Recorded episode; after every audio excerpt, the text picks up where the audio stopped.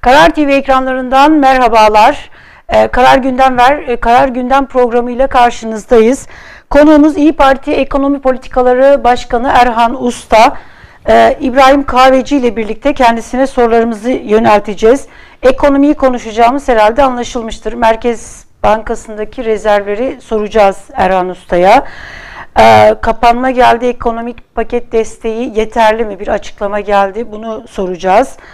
Ee, Merkez Bankası Başkanı konuştu, enflasyon oranları güncellendi ve bir altından bahsedildi. 710 tonluk altın. Ee, bunları konuşuruz. Türkiye ekonomisi düzelir mi? Bunların hepsini konuşacağız. Hoş geldiniz. Hoş bulduk. Çok teşekkür ederim. Ee, sağ olun. Türkiye e, dün akşam itibariyle kapanma sürecine Evet. girdi. Yani tam kapanma, 18 günlük bir kapanma geldi. Ee, bu iki husus, bununla alakalı iki husus tartışıyor. Bir işin sağlık boyutu var. Yani bu 18 gün mü olmalı, 28 gün mü? Ee, bu e, tıpçıların Evet. e, e, tartışacağı, cevap vereceği bir soru. Ama bir de işin ekonomik boyutu var. Acayip de tepkiler var. Twitter'da e, TT yani tepki var kapanma sürecine. Aslında Türkiye kapanmak istiyordu, istemiyor değildi. Tepkiler var. Dün baş, e, Cumhurbaşkanı Erdoğan bir paket açıkladı. Ee, esnafa 3 yıl geri ödemesiz kredi geldi. Banka, kamu bankalarından kullanılan kredilerin geri ödemesi bir ay ertelendi. Pardon 1 Temmuz'a kadar ertelendi. 5 milyar TL'lik bir destek paketi. 1000 lira nakdi yardım alanlar vardı. Onlara da 1100 lira oldu. Bu yeterli mi? Evet. Buradan başlayalım değil mi İbrahim? Şimdi tabii bu e, Türkiye'nin bir kapanma ihtiyacı vardı. Dolayısıyla hatta geç kalmış bir karar, kapanma Evet. kararı bu anlamda doğru.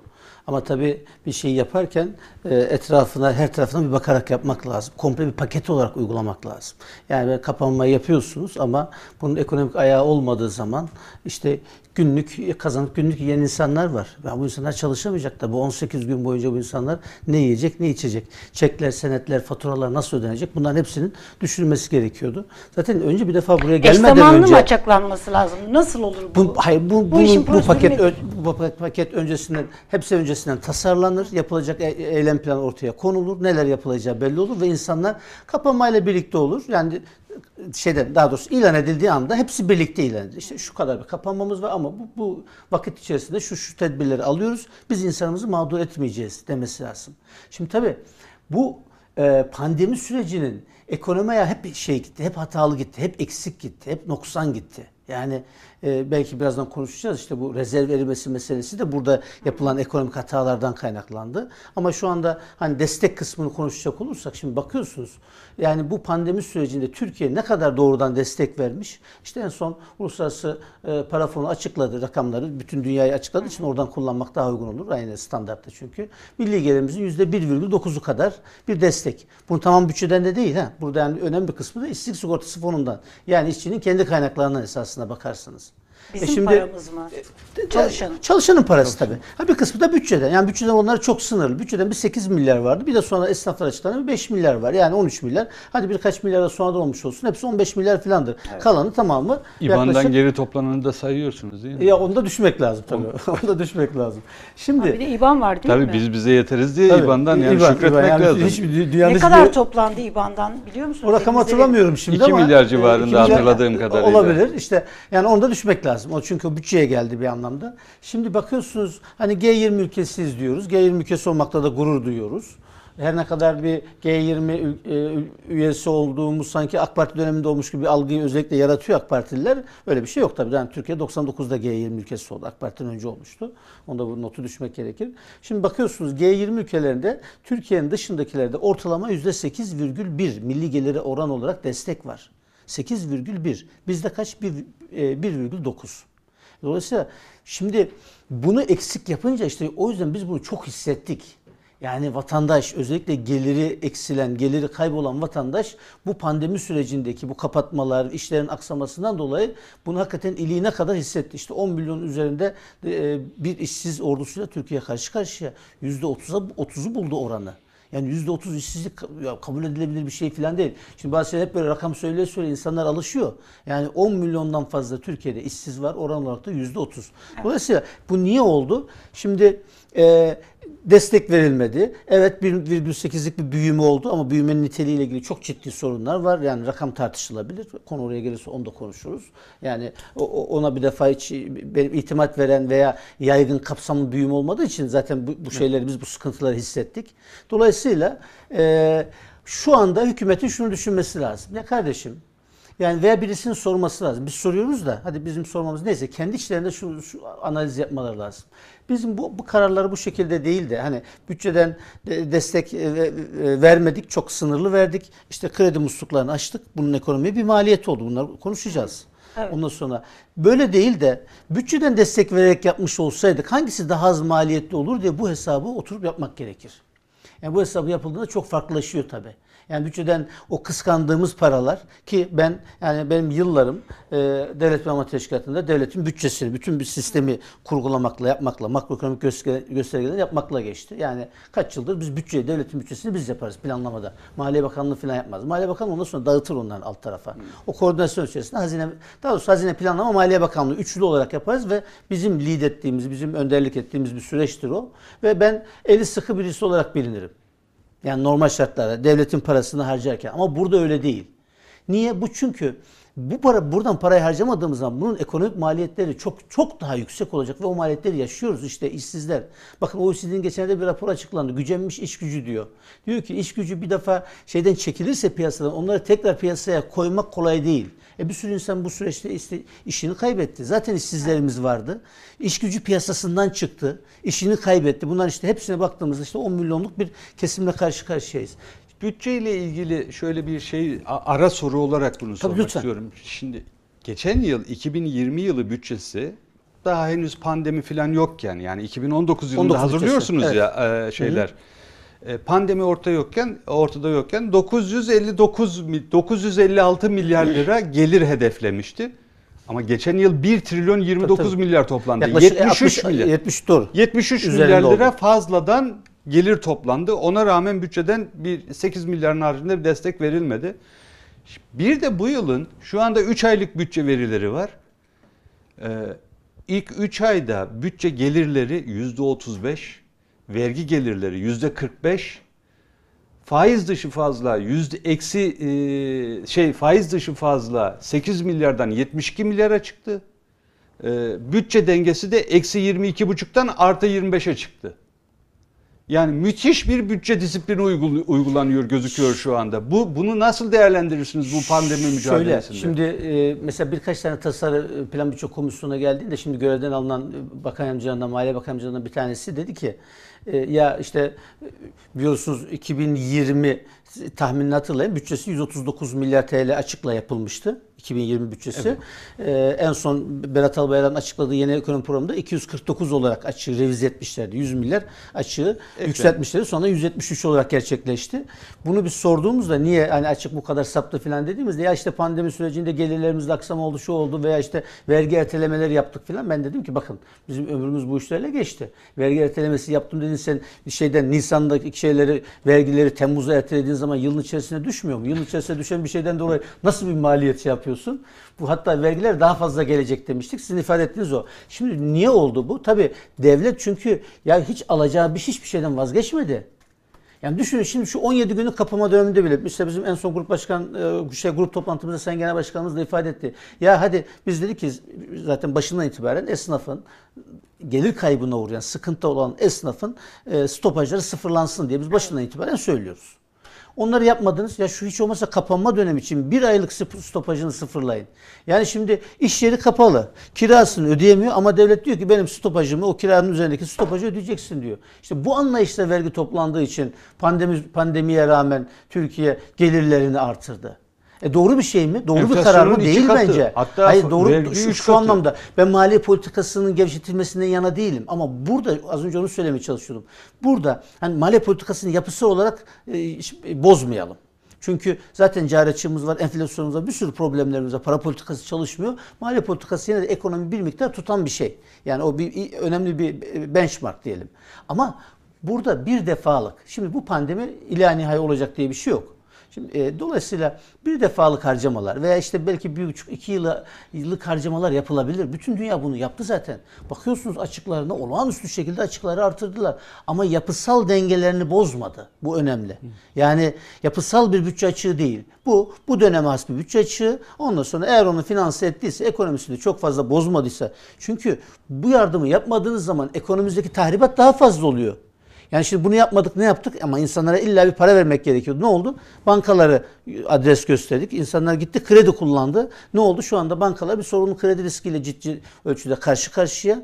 Orayı kontrolsüz kullanmamızdan dolayı yaklaşık 900 milyar liralık Nisan Aralık döneminde kredi genişlemesi oldu. O kredi genişlemesinin getirdiği enflasyondaki artışı yaşadık beraber.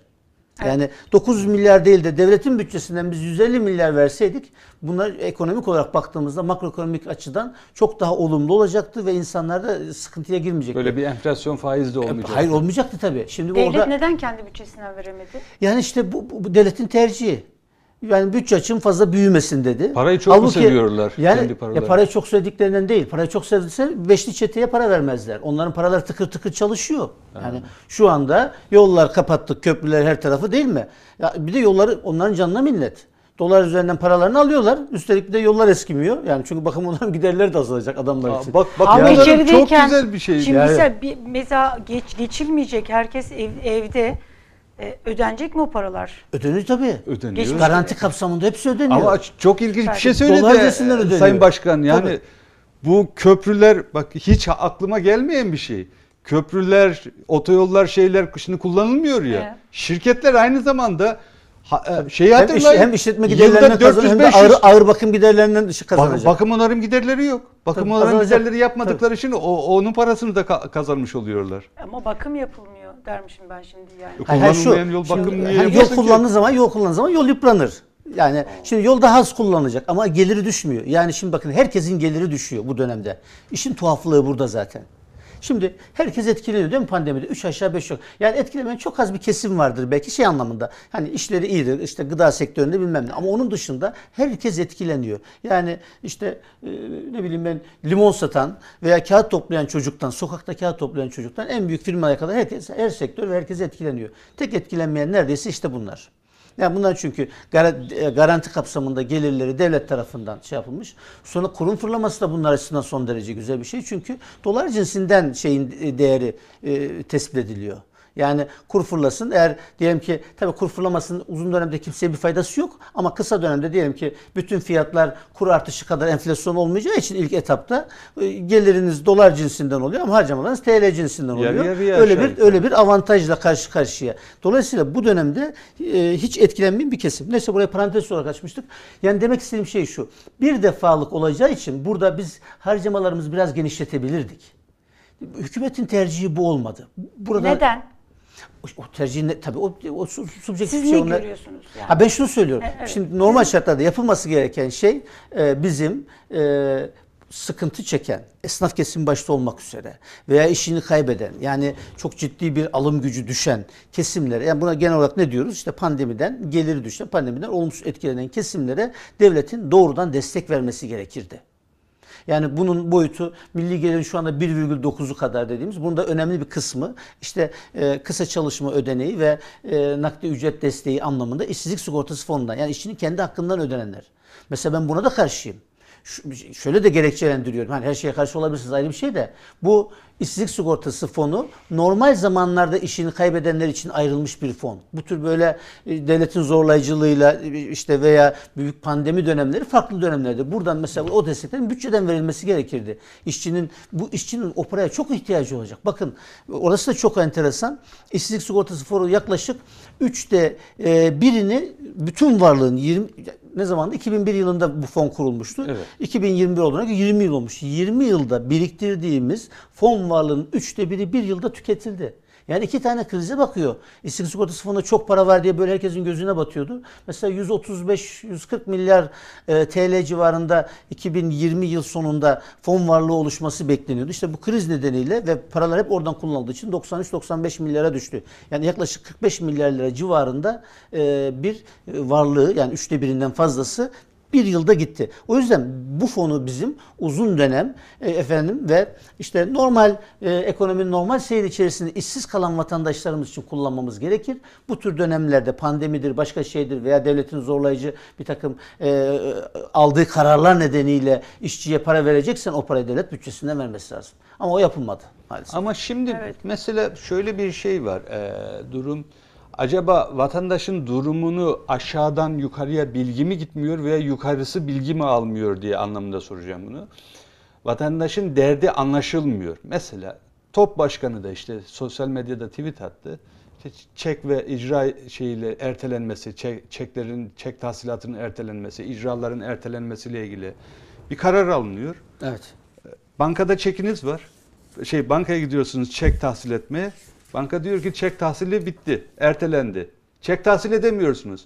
Ama o çeki tahsil edip SGK parasını veya vergi ödemeniz lazım son Öde- gün. ödeme ödeme işleri devam ediyor. Ödeme devlete ödeme devam ediyor. Şimdi bütün esnaf ayağa kalktı. Top başkanı tekrar saraya gitti.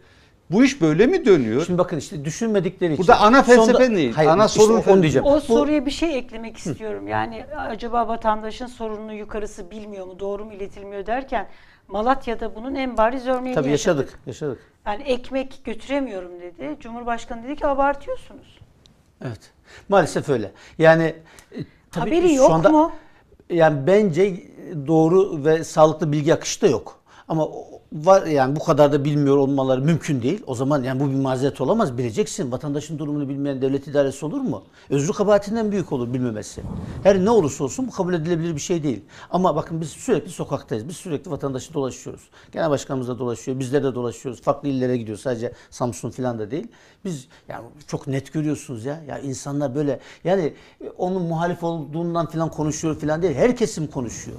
Esnaf konuşuyor. Bakın biz e, AK Parti'nin %85 oy aldığı Yozgat'ın ilçelerine gittik. Oradaki esnaf konuşuyor. Esnaf kesimi genelde şeydir, daha böyle muhafazakar düşünür ve e, kitle partisi, iktidar partisinden yana olur genelde. Eskiden de öyledir. ANAP'a vermiştir, doğru yola vermiştir. Şimdi AK Parti'ye veriyor. Şimdi bu esnaf bize şikayet ediyor. Ağlıyor esnaf, esnaf kan ağlıyor. Eğer sizin bundan iktidar olarak, devleti yöneten olarak haberiniz yoksa bu ayrı bir sıkıntı. Haberiniz var da kulaklarınızı tıkıyorsanız o da ayrı bir sıkıntı. Dolayısıyla bunun hiçbir şekilde mazereti yok. Bilmiyoruz tabii. Ama şu var. Devlet sistemi çalışmıyor. Elif Hanım, İbrahim Bey. Devlet çalışmıyor. Devlet bakın dikkat edin her olayda devlet hep geriden geliyor. Devletin çalışmaması neden? Şundan dolayı devlet çünkü çok yıpratıldı, kurumlar yıpratıldı. Ehli insanlar kurumları yönetmiyor şu anda. Hayatında hiçbir şekilde kamu tecrübesi olmayan, ya öyle olabilir tabii özel sektörde de çok parlak insanlar getirilmişse ona bir şey demiyorum. Ama devlet işleyişini bilmeyen insanlar en tepelerde yer alıyor. Yani hiçbir şekilde mekanizmayı bilmiyorsunuz siz. Karar mekanizmaların içerisinde hiç bulunmamış insanlar en kritik kararlar alıyor bu ülkede. Bunu kaldırmaz hiçbir devlet kaldırmaz. E bir de moralini motivasyonunu bozmuşsunuz. Bugün hiçbir bürokrat risk almak istemiyor. Zaten risk alan veya risk alan demeyeyim fikrini söyleyen, kendisini efendim yani devletin milletin menfaatini düşünen, siyasetçi yani siyasetçiye e, çok fazla boyun eğmeyen diyelim e, bürokratların hepsi tasfiye edildi zaten bu süreçte. Bundan ama şey de şikayet etti. Ee, Cumhurbaşkanı yardımcısı Fuat Oktay dedi ki aslında sistem güzel ama bürokratlar inisiyatif almıyor. Her şeyi Beştepe'den bekliyorlar. Onlar da Her şeyi yani şimdi tabii e, bazı yaşadığımız toplantılarda devlette çalışırken yaşadığımız olayları burada anlatmak uygun olmaz. Ancak özü itibariyle şunu söyleyeyim. Gözümüzle biz dünya kadar olaya şahit olduk. En ufak şeye müdahale etmek isteyen bir yönetim var. Yani bugün başka şeyler e, bakanlar daire başkanı atayamıyor. En küçük bir şeye, en küçük hele hele işin içinde arsa arazi varsa en küçük şeye müdahale eden bir cumhurbaşkanı var bu ülkede. Şimdi böyle bir ortamda ya bunlar yapılmadı mı? Kamu kurumlarının çay işletmeleri dahi başbakan o zaman başbakan eski sistemde başbakanlık iznine bağlandı bu ülkede. Yani gayrimenkulle ilgili veya işletme ile ilgili işte bir madenciliktir, şudur budur Arsa, her arazi. türlü ruhsat, her türlü izin işlemleri getirdin oraya bağladın. Niye bağladın? Hangisini çözebilirsin orada? Bütün bir devletin çözdüğü işlerin hepsini bir kuruma getirir oraya çözerseniz ancak orada referansla iş yaparsınız. Birisi gelecek, benim bir tane işim var diyecek. Her hangi yolu deniyorsa işte usulüne uygun bir şekilde işini çözecek, mekanizmalar oluşturacak, iş çözülecek. Yani bunu bundan hiç kimse şikayet etmesin. Onlar niye şikayet ediyor? Bundan biz şikayet edeceğiz. Bu sistemi kuran kendileri. Aynısı da şimdi bunu artık bir de sistemleştirdik işte. Yani bu şeyle Cumhurbaşkanlığı hükümet sistemi diyerek. Yani neyse şeye geldik. Şimdi vatandaş dolayısıyla vatandaşın şeyini bilip bilmedim ama vatandaş kana alıyor. Şimdi bunu görmek gerekir.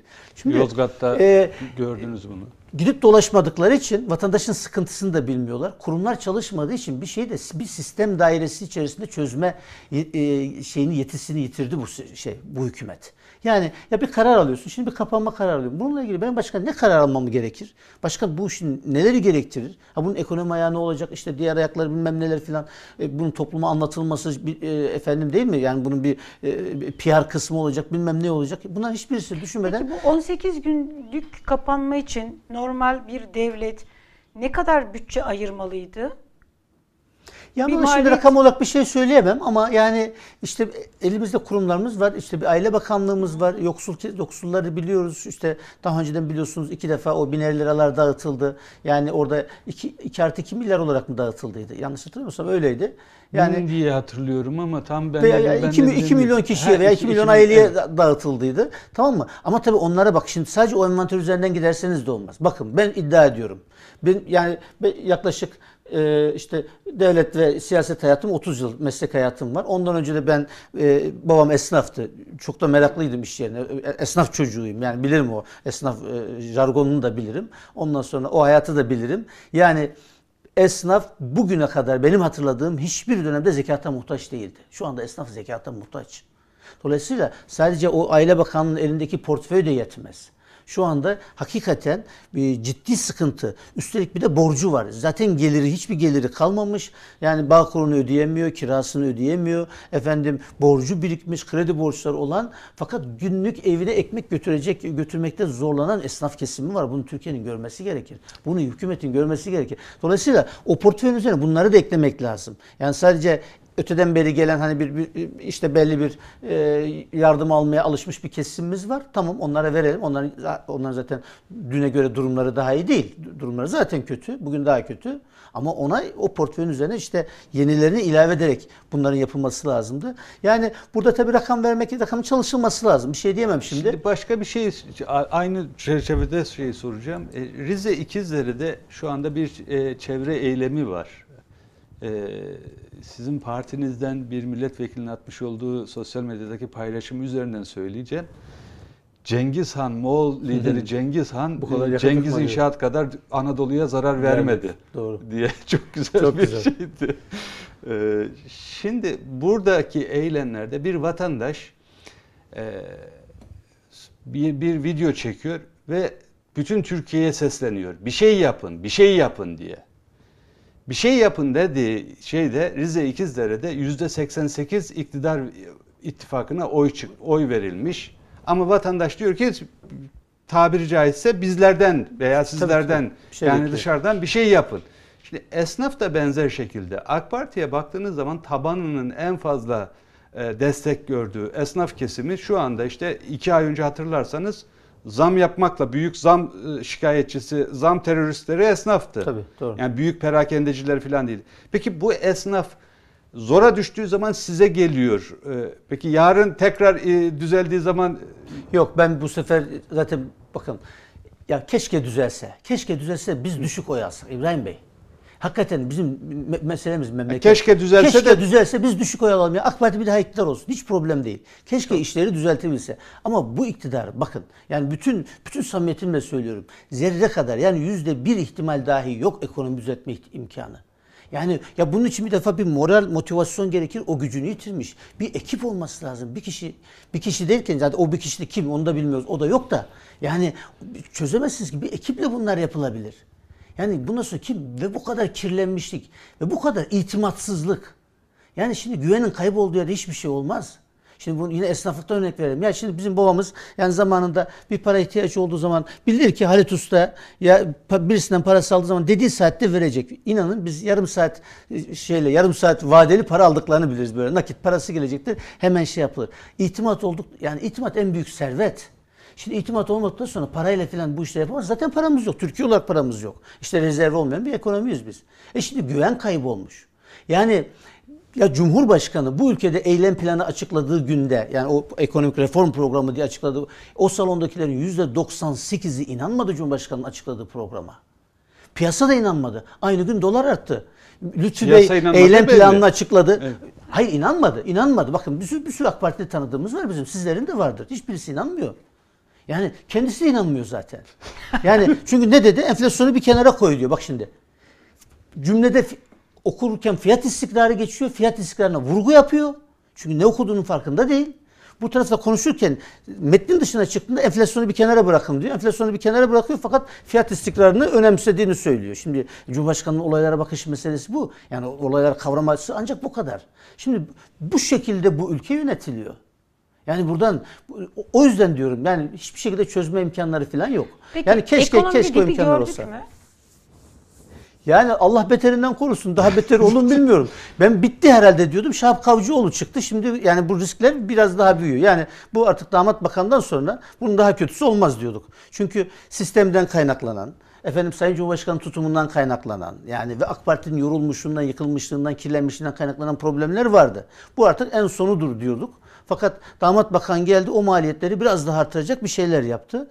Bu artık en son dip, diptir diyorduk. Şimdi Şahap Kavcıoğlu geldi. Daha bu faktör şu anda fiyatlanıyor ama bunun daha ne yapacağını bilmiyoruz. Peki dip dip şu- olmamış olabilir yani. Şunu biliyor muyuz? Ee, Ali Babacan çünkü bir rakam veriyor. Merkez Bankası e, eski başkan Naci Ağbal'ın görevden alınmasının o hafta sonu Türkiye'ye maliyetini 70 milyar dolar olarak 70 milyar dolar. dolar 571 Ha, ba- milyar. evet 70 TL. milyar dolar. Evet, evet TL olarak açıkladı. Şu, e, o hesabı aynısını eş zamanlı olarak ben de yaptım. Ben de bir televizyon Nereden? programında 550 milyar. Onun, onun şeyi Onun belli. hesaplamasını nasıl şöyle, şöyle. Şimdi 450 milyar dolar şeyimiz var bizim. Dış borcumuz var. 450 milyar dolar. Kabaca 1 lira arttı. 7 ondu. Evet. Şey öncesi. 7.20. Şimdi 8.20 ve 7.20 8.20 alın. 1 lira olsa zaten 450 milyar lira direkt dış borçtan geliyor. Yani milyar dolar olduğu için 1 lira arttığı için 450 milyar TL, şey milyar lira oluyor. Şimdi şeylerimiz var. Kamunun diğer iç borçları var. Çünkü bakın bizim şu anda devletin iç artı dış borç toplamı için söylüyorum. Merkezi yönetimi 1 e, trilyon 95 milyon, 2 trilyon lira oldu. Ha bu e, bu yeni sisteme geçmeden önce birdi. Tam birdi, iki oldu. Yani iki buçuk yılda ikiye katladı. Yani bütün bir cumhuriyet tarihi boyunca biriktirdiğimiz devlet borcu iki buçuk yıl içerisinde bir o kadar katladı.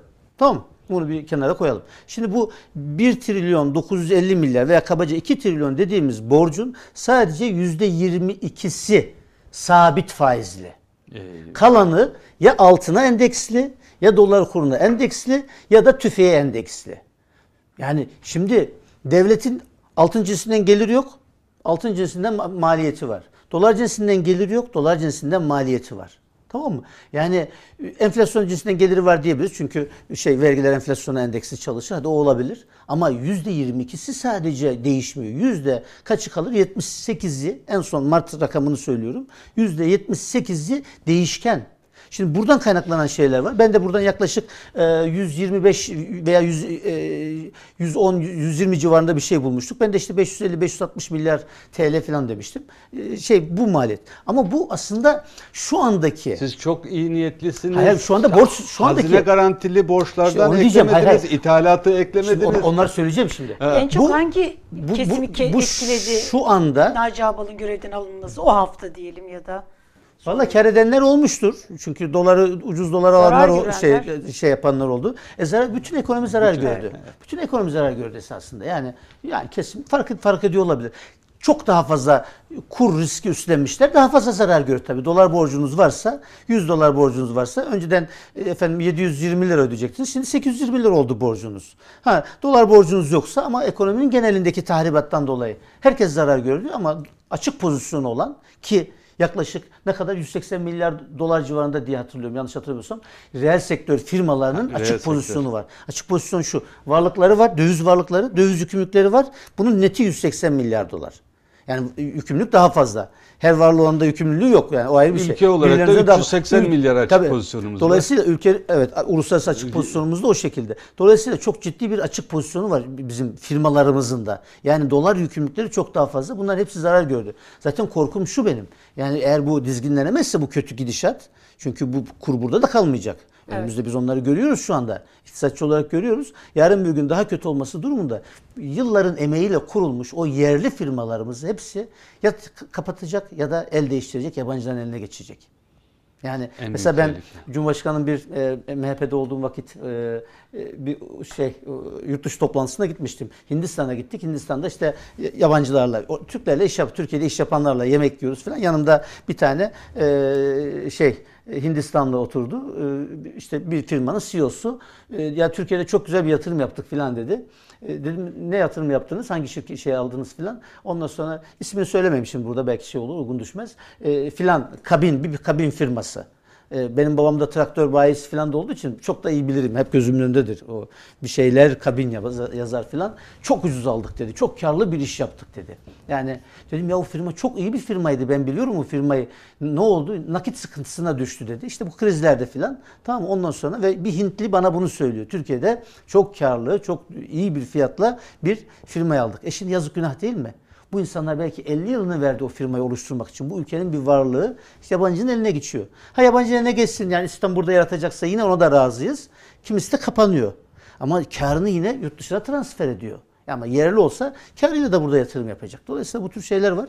Yani Dün Merkez Bankası Başkanı'nın açıklamasını nasıl değerlendirdiniz? Bu enflasyon şimdi Oranını- şu yarım kalan so- şeyler var. Ben habire buraya not alıyorum. Benim liste Var çoğaldı. ya, e, ben, ben de ona baktım. Şimdi Evet. şu çek senedi bitiremedik. Tamam, çok bir- çok kısa bitirin. söyleyeyim o zaman. tamam söyleyin sonra. Şey, şey, e, Elif Hanım hızına yetişemiyoruz biz.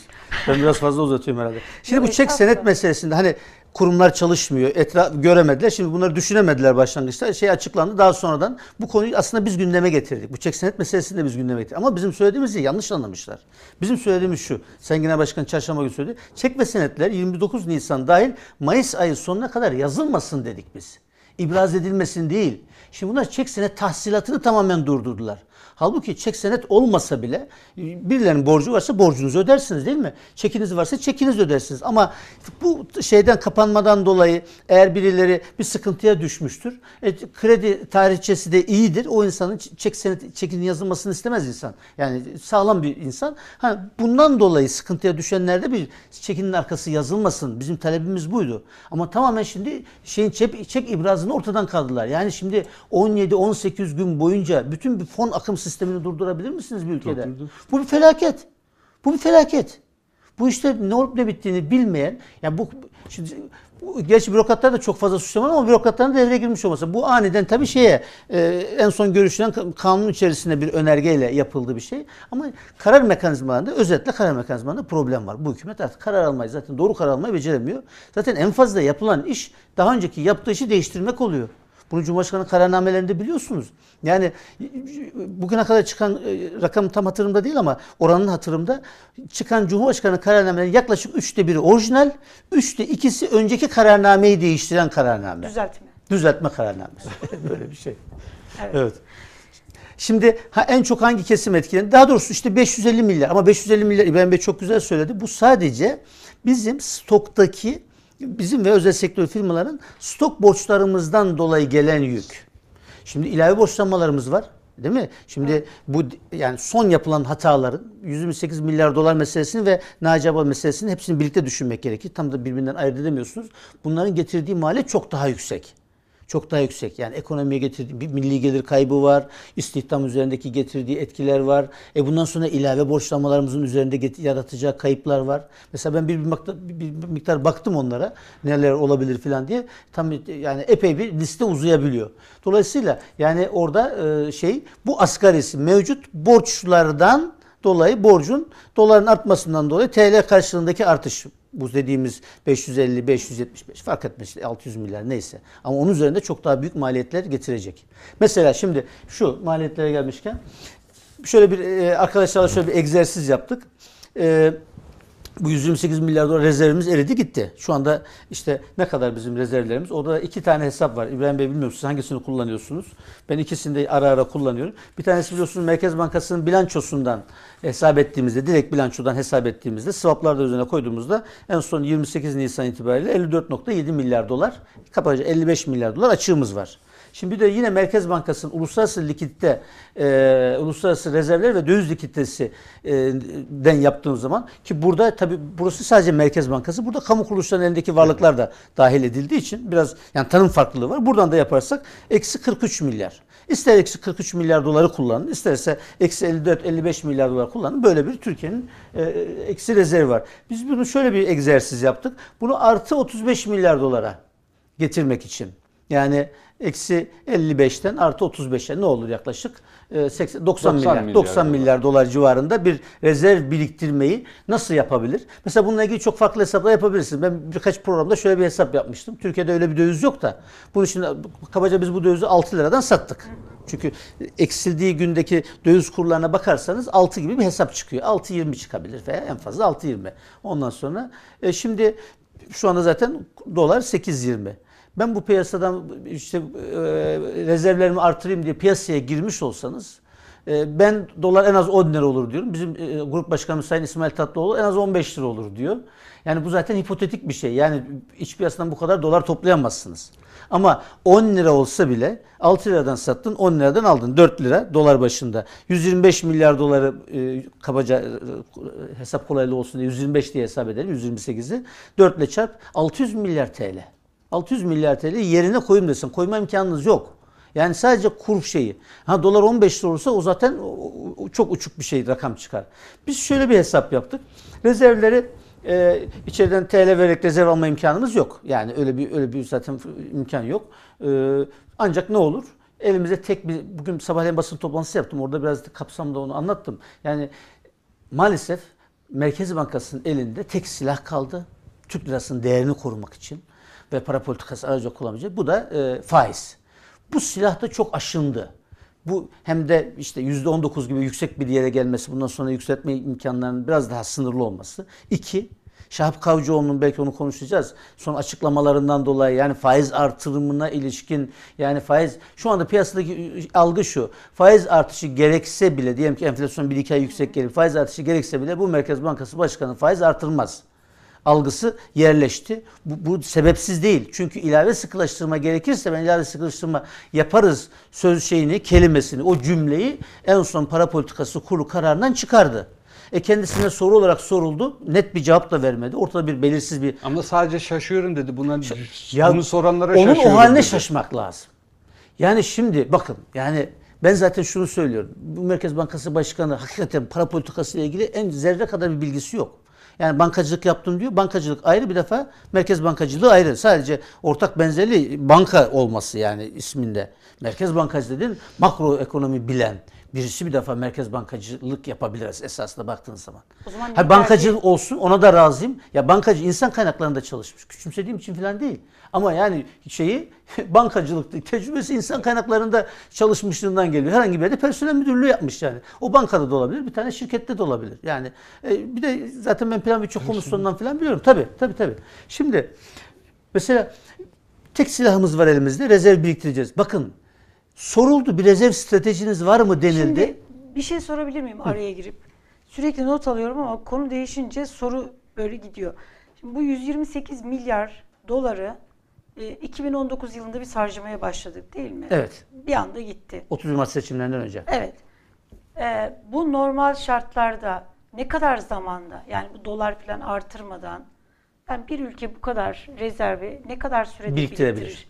Ne kadar zamanda biriktirdik de uçtu gitti. Şöyle ne kadar zamanda biriktirdik? Yani ne kadar yıllık Tabii tabii. e, Ben mesela ben, emek heba oldu. ben diyorum ki 20 yıllık emek diyorum buna. 20 yıl. 20 yıllık emek evet. İyimsersiniz. Hayır hayır şundan dolayı. 2001'de de bir negatife dönmüştü ya. Ama orada şey swap yoktu başkanım. Orada swap yoktu. Tamam belki belki 100 yıllık emek. Şundan dolayı. Şimdi bakın biz ne yaptık? Bir defa ya burada firmalarımızı özelleştirdik işte bütün cumhuriyetin kazanımları diyoruz. Onların bir kısmı da Petkim gibi yabancıların eline geçti değil mi? Yani döviz getirdi karşılığında. E bu bu dövizlerle birikti aslında bu bu birikimler böyle oldu. E, 2006 onun öncesinde o detayı vermediği için 2006-2020 yılları arasında 53 milyar dolar net gayrimenkul satışımız var yabancılara. Evet. Yani hani toprak kanla alınır kanla verilir diyoruz ya onun dışına çıktık. Yani toprak sattık ya. Bunun karşılığında toprak satarak 53 biriktir milyar 53 dolardı. milyar dolar. 2006-2020 bu hükümet gelmeden önce 2-3 yılda da birkaç milyar dolar daha satılmıştı. 3'te de fazla. Ama Merkez Bankası'nın şeyde e, ödemeler dengesi istatistiklerinde 2006-2020 diye var. 53 milyar dolar. Hatta küçük de bir küsuratı var. 53 milyar dolar. Bu müthiş bir rakam. Yani bu rezervler böyle birikmişti. Toprak satarak biriktirdiğimiz rezervleri, işletme kitlerimizi satarak biriktirdiğimiz rezervleri veya yabancıların bize Türkiye'de gelip doğrudan yatırım yaparak oradan da rezerv geldi. Birikmiş rezervleri heba edildi burada. Dolayısıyla yani en az 20 şey 20 yıl. Ben şöyle daha da- söyledim daha eski. başkan. Reeskont kredileri Türk Merkez Bankası'nın reeskont kredileri yılda 2-2,5 milyar dolar diye hesaplanıyor. Oradan alınacak şeyler diye hesaplıyorlar. Onun için söyledim. Oradan şimdi- baktığınız zaman 90 yıl yaklaşık. Yo yo ben şey 40 diyorum yılı- kaç yıllık emek heba oldu. Ben onun için diyorum. Kaç yılda e, yerine konulur demiyorum. Ha, pardon. Yo, yo. Yok kaç yılda yerine konur Ha, onu pardon. da soracağım. Ha, onu da- Yok onu, o- onu- benim sorum evet. Biz kaç yılda 128 milyar doları biriktirdik? biriktirmiştik ben öyle anladım. Evet, ha. böyle. Yani en az 20 yıllık emek heba oldu Şimdi diyorum biz ben. kaç yıl uğraşacağız? Hatta daha fazla. Şimdi kaç yıl uğraşacağız? Ya, bir- strateji ortaya koymadı ki. Şimdi ben Merkez Bankası'nın adına ne, Ne söyleyeyim size? Yani sizce- hayır hayır şunu söylüyorum. Ya şimdi bakın. Şimdi ikiniz de iktisatçısınız. Ben anlamıyorum bu işten. Şimdi Elif Hanım şey şu. O üstad. Estağfurullah. Sıkıntı şurada İbrahim Bey. Yani bu soru size geliyor. Hadi siz bunu kendi metninize koymadınız. Soruları hatırlarsanız ben çok dikkatli izledim. Sonra da tekrar üzerinden geçtim. Bu soru soruldu. Rezerv stratejiniz nedir dedi. İhracat reskont kredilerinin dışında Merkez Bankası Başkanı hiçbir şey söylemedi. Ya madem bak şimdi böyle bir fırsat var. Bir basın toplantısı yapıyorsun. Ve bu hadi kendini ihmal ettin diyelim ki. Kendisi bence söylemesi gerekirdi. Ama o biliyorsunuz o şey 128 milyar topuna hiç girmedikleri için yani mümkün olduğu kadar rezerv kelimesini kullanmak istemiyor. O kelimeden nefret ediyorlar. Dolayısıyla o yüzden hadi kendin koymadın. Ama Türkiye'nin en büyük kırılganlığı, Türkiye kırılgan dedi aynı zamanda bu Merkez Bankası Başkanı. Türkiye kırılgan dedi. Yani bunu da itiraf etti. E şimdi kırılganlığın temel nedeni işte bu 128 milyar dolar olarak simgeleşen rezervlerimizin eksiye dönme olayıdır. Ya hiç olmazsa bir strateji ortaya koy. İki kelam et de ki efendim biz bu rezervleri siz merak etmeyin. Biz bunları işte kısa sürede şöyle yaparız, böyle yaparız veya yapmayız. Neyse bir şey söylemedi. Sadece ihracat reskont kredileri dedi. Buradan dedi e, bir miktar şeyimiz olacak. Şimdi bunun ne kadar olur? Yani e, 90 yıl, 100 yıl hesapları var. Ya ben o kadar olacağını düşünmüyorum. Yani muhtemelen daha kısa olacaktır. Ama ne olacaktır? Hepsinin bir bedeli olacak. Ya işte yeni böyle toprak satacaksın. Ya e, işte e, iyice firmalarımız sıkıntıya girecek. Doğrudan yatırım diye. Yani gelecek işte bizim firmalarımızı yabancılar satın alacak. Yani borç yaratmayan finansmanla olması lazım bunun. Biz buna borç yaratmayan finansman diyoruz. Yani kısa vadeli borçla rezervi biriktirirsiniz. Bu tarafa varlık yazarsınız. Öbür tarafa da yükümlülük yazarsınız. Neti bir şey değiştirmez. Ya bir yılın üz- üzerinde bir borçla yapacağız borçlanmayla yapacağız. Ee, veya dediğim gibi böyle işte doğrudan e, yabancı yatırımların gelmesi e, bunun içerisinde arsa arazi satışları da dahil. Kamuoyunun kafası netleşsin diye soruyorum. Bir vatandaş olarak benim de böyle hani kafam çok karışık bu konuda. Ee, 128 milyar dolarımız var mıydı? Hiç olmadı mı? Yani mesela e, çeşitli böyle çok çelişkili açıklamalar yapılıyor. İktidardan da öyle. Bir var deniliyor, bir yer değiştirdi, altın aldık, harcandı. Ha şu altına da gidelim. Mesela Merkez Bankası Başkanı ortak yayına çıktı geçen hafta Cuma günü akşam. Orada Fecaat. dedi ki bu dedi iktisatçılar bu rakamı nereden çıkartıyorlar? Biz hiç öyle bir rakam vermedik dedi. Yani mesela bir Evet, tabii. iktisatçı olarak Ha, bir de şöyle söyledi. siz mesela bu 128 milyarı Hayır Nereden madem rakam ulaştınız? madem rakam yayınlamıyoruz bunu nasıl hesap ettiniz dedi. Demek ki rakam Evet. veriyoruz demek de istedi. Lütuf. Yani bakın ben Devlet Planlama Teşkilatı'nda uzman yardımcısı olarak girdiğimde bile bize her sabah faks gelirdi. O faks da Merkez Bankası'nın biliyor musunuz? Şeyi o günlük o bilançosu her sabah bizim oraya bir önceki günün şeyi ya akşam ya da sabahleyin fakslanırdı. Yani eskiden e-mail e-mail falan böyle internet internet imkanları olmadığı için yani biz tabiri caizse bunlarla büyüdük. Tamam mı? Yani bu rakamlar sanki bir lütufmuş gibi Merkez Bankası bilançosunda. Şimdi nereden çıkartıyoruz? Merkez Bankası bilançoda varlıklar var, yükümlülükler var. İşte bir de başka bir tablodan swaplar alıyorsun. Onu oradan burada buradan yaparak filan bir hesap ortaya çıkıyorsun. Bu 128 milyar dolar dediğimiz, daha doğrusu rezervlerin eri dediğimiz hesaplar Merkez Bankası'nın kendi rakamlarından çıkıyor. Şimdi yani diyor biz madem hiç rakam vermiyoruz hani gizliyorsunuz filan deniliyor ya niye söylemiyorsunuz filan. Vermiyorsunuz bunu hesap edemezsiniz. Demek ki veriyoruz diyor. Yani dedim ya vallahi büyük bir lütuf yani. Ta 50 50 yıl önce bile yani kurumların aldığı, kamuoyunun bildiği rakamı şu anda veriliyor olmasını büyük bir lütuf olarak veriyor. O da ayrı bir ayrı bir konu. Peki ne oldu? Şimdi şu. 128 milyar dolar. Mesela bakın ay. şimdi hangi tarihi aldığınıza bakarak değişebilir. Şöyle söyleyeyim. 2019 yılının e, bunu biraz kamuoyunda e, ben biraz fazla söyledim diye hatırlıyorum ben. E, Şubat ayında tamam mı? Şu uluslararası e, rezervler ve dövizli kitlesi şu tablodan oluşturduğumuz e, şeyi rezervi. Yani sadece Merkez Bankası rezervi değil, uluslararası rezervler anlamında söylüyorum. 2019'da Şubat ayı rakamı 53 milyar 460 milyon dolar.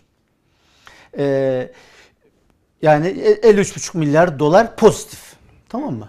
Yani şu anda aynı rakamın bugün günceli eksi 43 dediğimiz o zaman e, e, artı 53'müş. Ne oluyor? 96. 96. 96, 90, işte 96, 97 milyar. Mesela Şubat'a göre 97 milyar dolar bir erime var. Bunu farklı tarihe göre aldığınız zaman işte 128 milyar dolar da hesabı da oradan çıkıyor. Yani bizim 128 milyar dolar rezervimiz var mıydı? Evet vardı. Yani Emin miyiz bundan? Hayır bu, şu, şu rakamlardan söylüyorum. Çünkü Ya bu hayır bunların şimdi bak. O zaman ya. şöyle gelelim bakın. Bir bürütü var bu rezervin. Elif Hanım. Tamam mı? Bir de net hesabı var. Şimdi Sayın Cumhurbaşkanı bir zaman e, devlette çalışırken de öyleydi. Hemen bizim şey üstte bazen bakan arıyordu ya bugünkü rezerv ne filan diye. Cumhurbaşkanı o rezervi konuşmayı çok seviyordu biliyorsunuz. İşte 120 milyar dolar oldu, 128 oldu, 130 oldu. En fazla kaça çıktı brüt rezerv? 135. 135'e filan çıktı herhalde. 135. 135 milyar dolar filan böyle günlük o. Şimdi bu bu işin e, bürütü. Yani mesela ne oluyor? Ee, siz mevduatınız var. Bankaya para yatırıyorsunuz. DTH, döviz tevdiat hesabınız var. Onun karşısında zorunlu karşılık olarak merkez şey e, banka bir kısım dövizi getiriyor. Onların oranlarını şimdi hatırlamıyorum. İşte 100 dolarsa %22 civarında he, şu 100 an. dolarsa 10 dolar, 15 dolarını Merkez Bankası'na e, bu şekilde yatırıyor. Anlatabiliyor muyum? Evet. Bu ne oluyor? Yani rezerv sizde gözüküyor. Sizin o 135 milyar dolar dediğimiz zamanında olan rakamın içerisinde ancak aynı zamanda bu bir yükümlülük. Çünkü bankalara bir borcunuz. Yani ben dövizimi çektiğim anda yani döviz tevdiat hesapları azaldığında o re- zorunlu karşılıklar da bankalara iade ediliyor bir anlamda. Tamam mı? Bu da yükümlülük kısmı. Şimdi bu ikisinin farkını yani varlıklarımızla yükümlülüklerimizin arasındaki fark net rezerv dediğimiz şey. Şu anda bizim konuştuğumuz net rezerv. Şimdi Şapkavcıoğlu falan diyor işte 710 ton altın var. Ya kardeşim 710 ton altın zaten eksi 43 milyar dolar eksi 43 derken bu 711 e, ton altın bunun içinde zaten var. Yani 711 ton altına rağmen eksi 43 milyar dolar bizim e, net rezervimiz. 711 ton altın dediğimiz yaklaşık 40 milyar dolar civarında. Yani o altın olmamış olsa şimdi şöyle yani bu şark kurnazlığı. Yani ya bunlar açık var diyorlar ama diyor ki bizim 710 ton altınımız var. Bugüne kadar hiç olmadık kadar altınımız var diyor. Yani sanki o altın hesabı ayrı, rezerv hesabı ayrıymış gibi bir şey. Böyle bir şey yok. Yani 710 ton altın olmamış olsa şurası eksi 43 milyar veya şu hesaba göre eksi 54 milyar dolar değil. Üzerine bir 40 daha koy. Eksi 94 milyar dolar olacaktı rezervimiz. Çok daha vahim bir durum ortaya çıkacaktı. Dolayısıyla yani altın dediğimiz şey onu da zaten 711 tonun da e, bugün para finansta şey yaptılar e, rakamını söylemişlerdi 430 tonu net olarak orada da altın cinsinde de yükümlülüklerimiz var. Onlar çıktığın zaman Bir müsaadenizle İbrahim'e bir Tabii soru buyurun. sormak istiyorum. İbrahim mesela ülke yani bütçe açığı yok deniliyor ya bütçe açığı yok demek paraya ihtiyaç yok anlamına mı geliyor ekonomide? Bütçe açığı yok demek e, ne, ne taraftan baktığına bağlı. Yani şöyle geliri çok fazla toplarsın, milleti öldürürsün. Bütçen açık vermez ama millet ölmüş olur. E, ve yani ana ekonomiyi öldürmüş Tabii. olursun.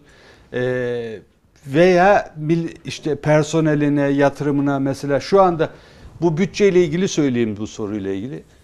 Ee, Mesela bu 2021 yılı ilk 3 ayında bütçenin bu disiplin olması yani gelirlerin yüzde 34 bütçe açığı var zaten. Yani yine bütçe açığı var da yok şu anda yok. Bu, bu yılın 21'de bütçe açığı yok. 21'de e, bütçe dengesi artı 22,5 milyar faiz Fazla. dışı denke artı 72 milyar artı. Öyle mi? Ee, şimdi burada şöyle bir şey yapmış ama.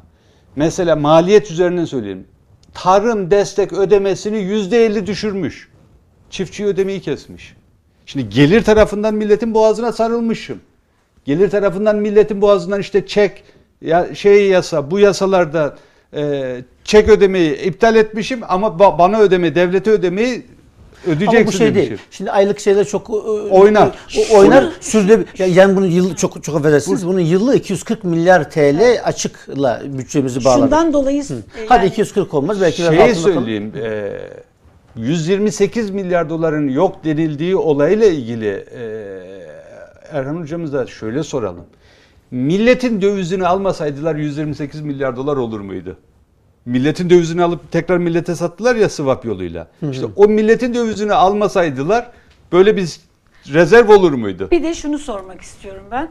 Şimdi 2019 seçimlerinde deniliyor. İşte Ali Babacan da orayı işaret ediyor. 128 milyar dolar neden harcandı? Ülke için değil, seçim öncesi, seçim bütçesi olarak harcandı. Ama 2019 yıl aynı zamanda bütçe açığımız yok dedikleri yıl. Yani mesela bütçe açığı var. Bütçe Ee, açığı var. Bütçe açığı var. 2019 Şey, var, cari. 20 cari Ee, açık, cari, cari Cari açık. cari yok. açık, pardon, ca- çok özür. Şimdi üç, üç tane Şimdi farklı mesela şey var burada açık Cari açık yoksa bu parayı nasıl ya burada bir çelişki yok mu? Ben böyle söyleyeyim. Yok şöyle. Şimdi cari açığın finansmanı ayrı bir şey tabii. Yani cari açıkla rezervlerin bir, e, elbette bir ilişkisi var. Ama bütçe açığıyla zaten bunların hiçbirisi bir ilişkisi yok. Yani o devletin bütçesi, Tamam. öbürü diyelim ki işte ekonominin genel bütçesi yani şey yurt dışı ile para giriş çıkışımız.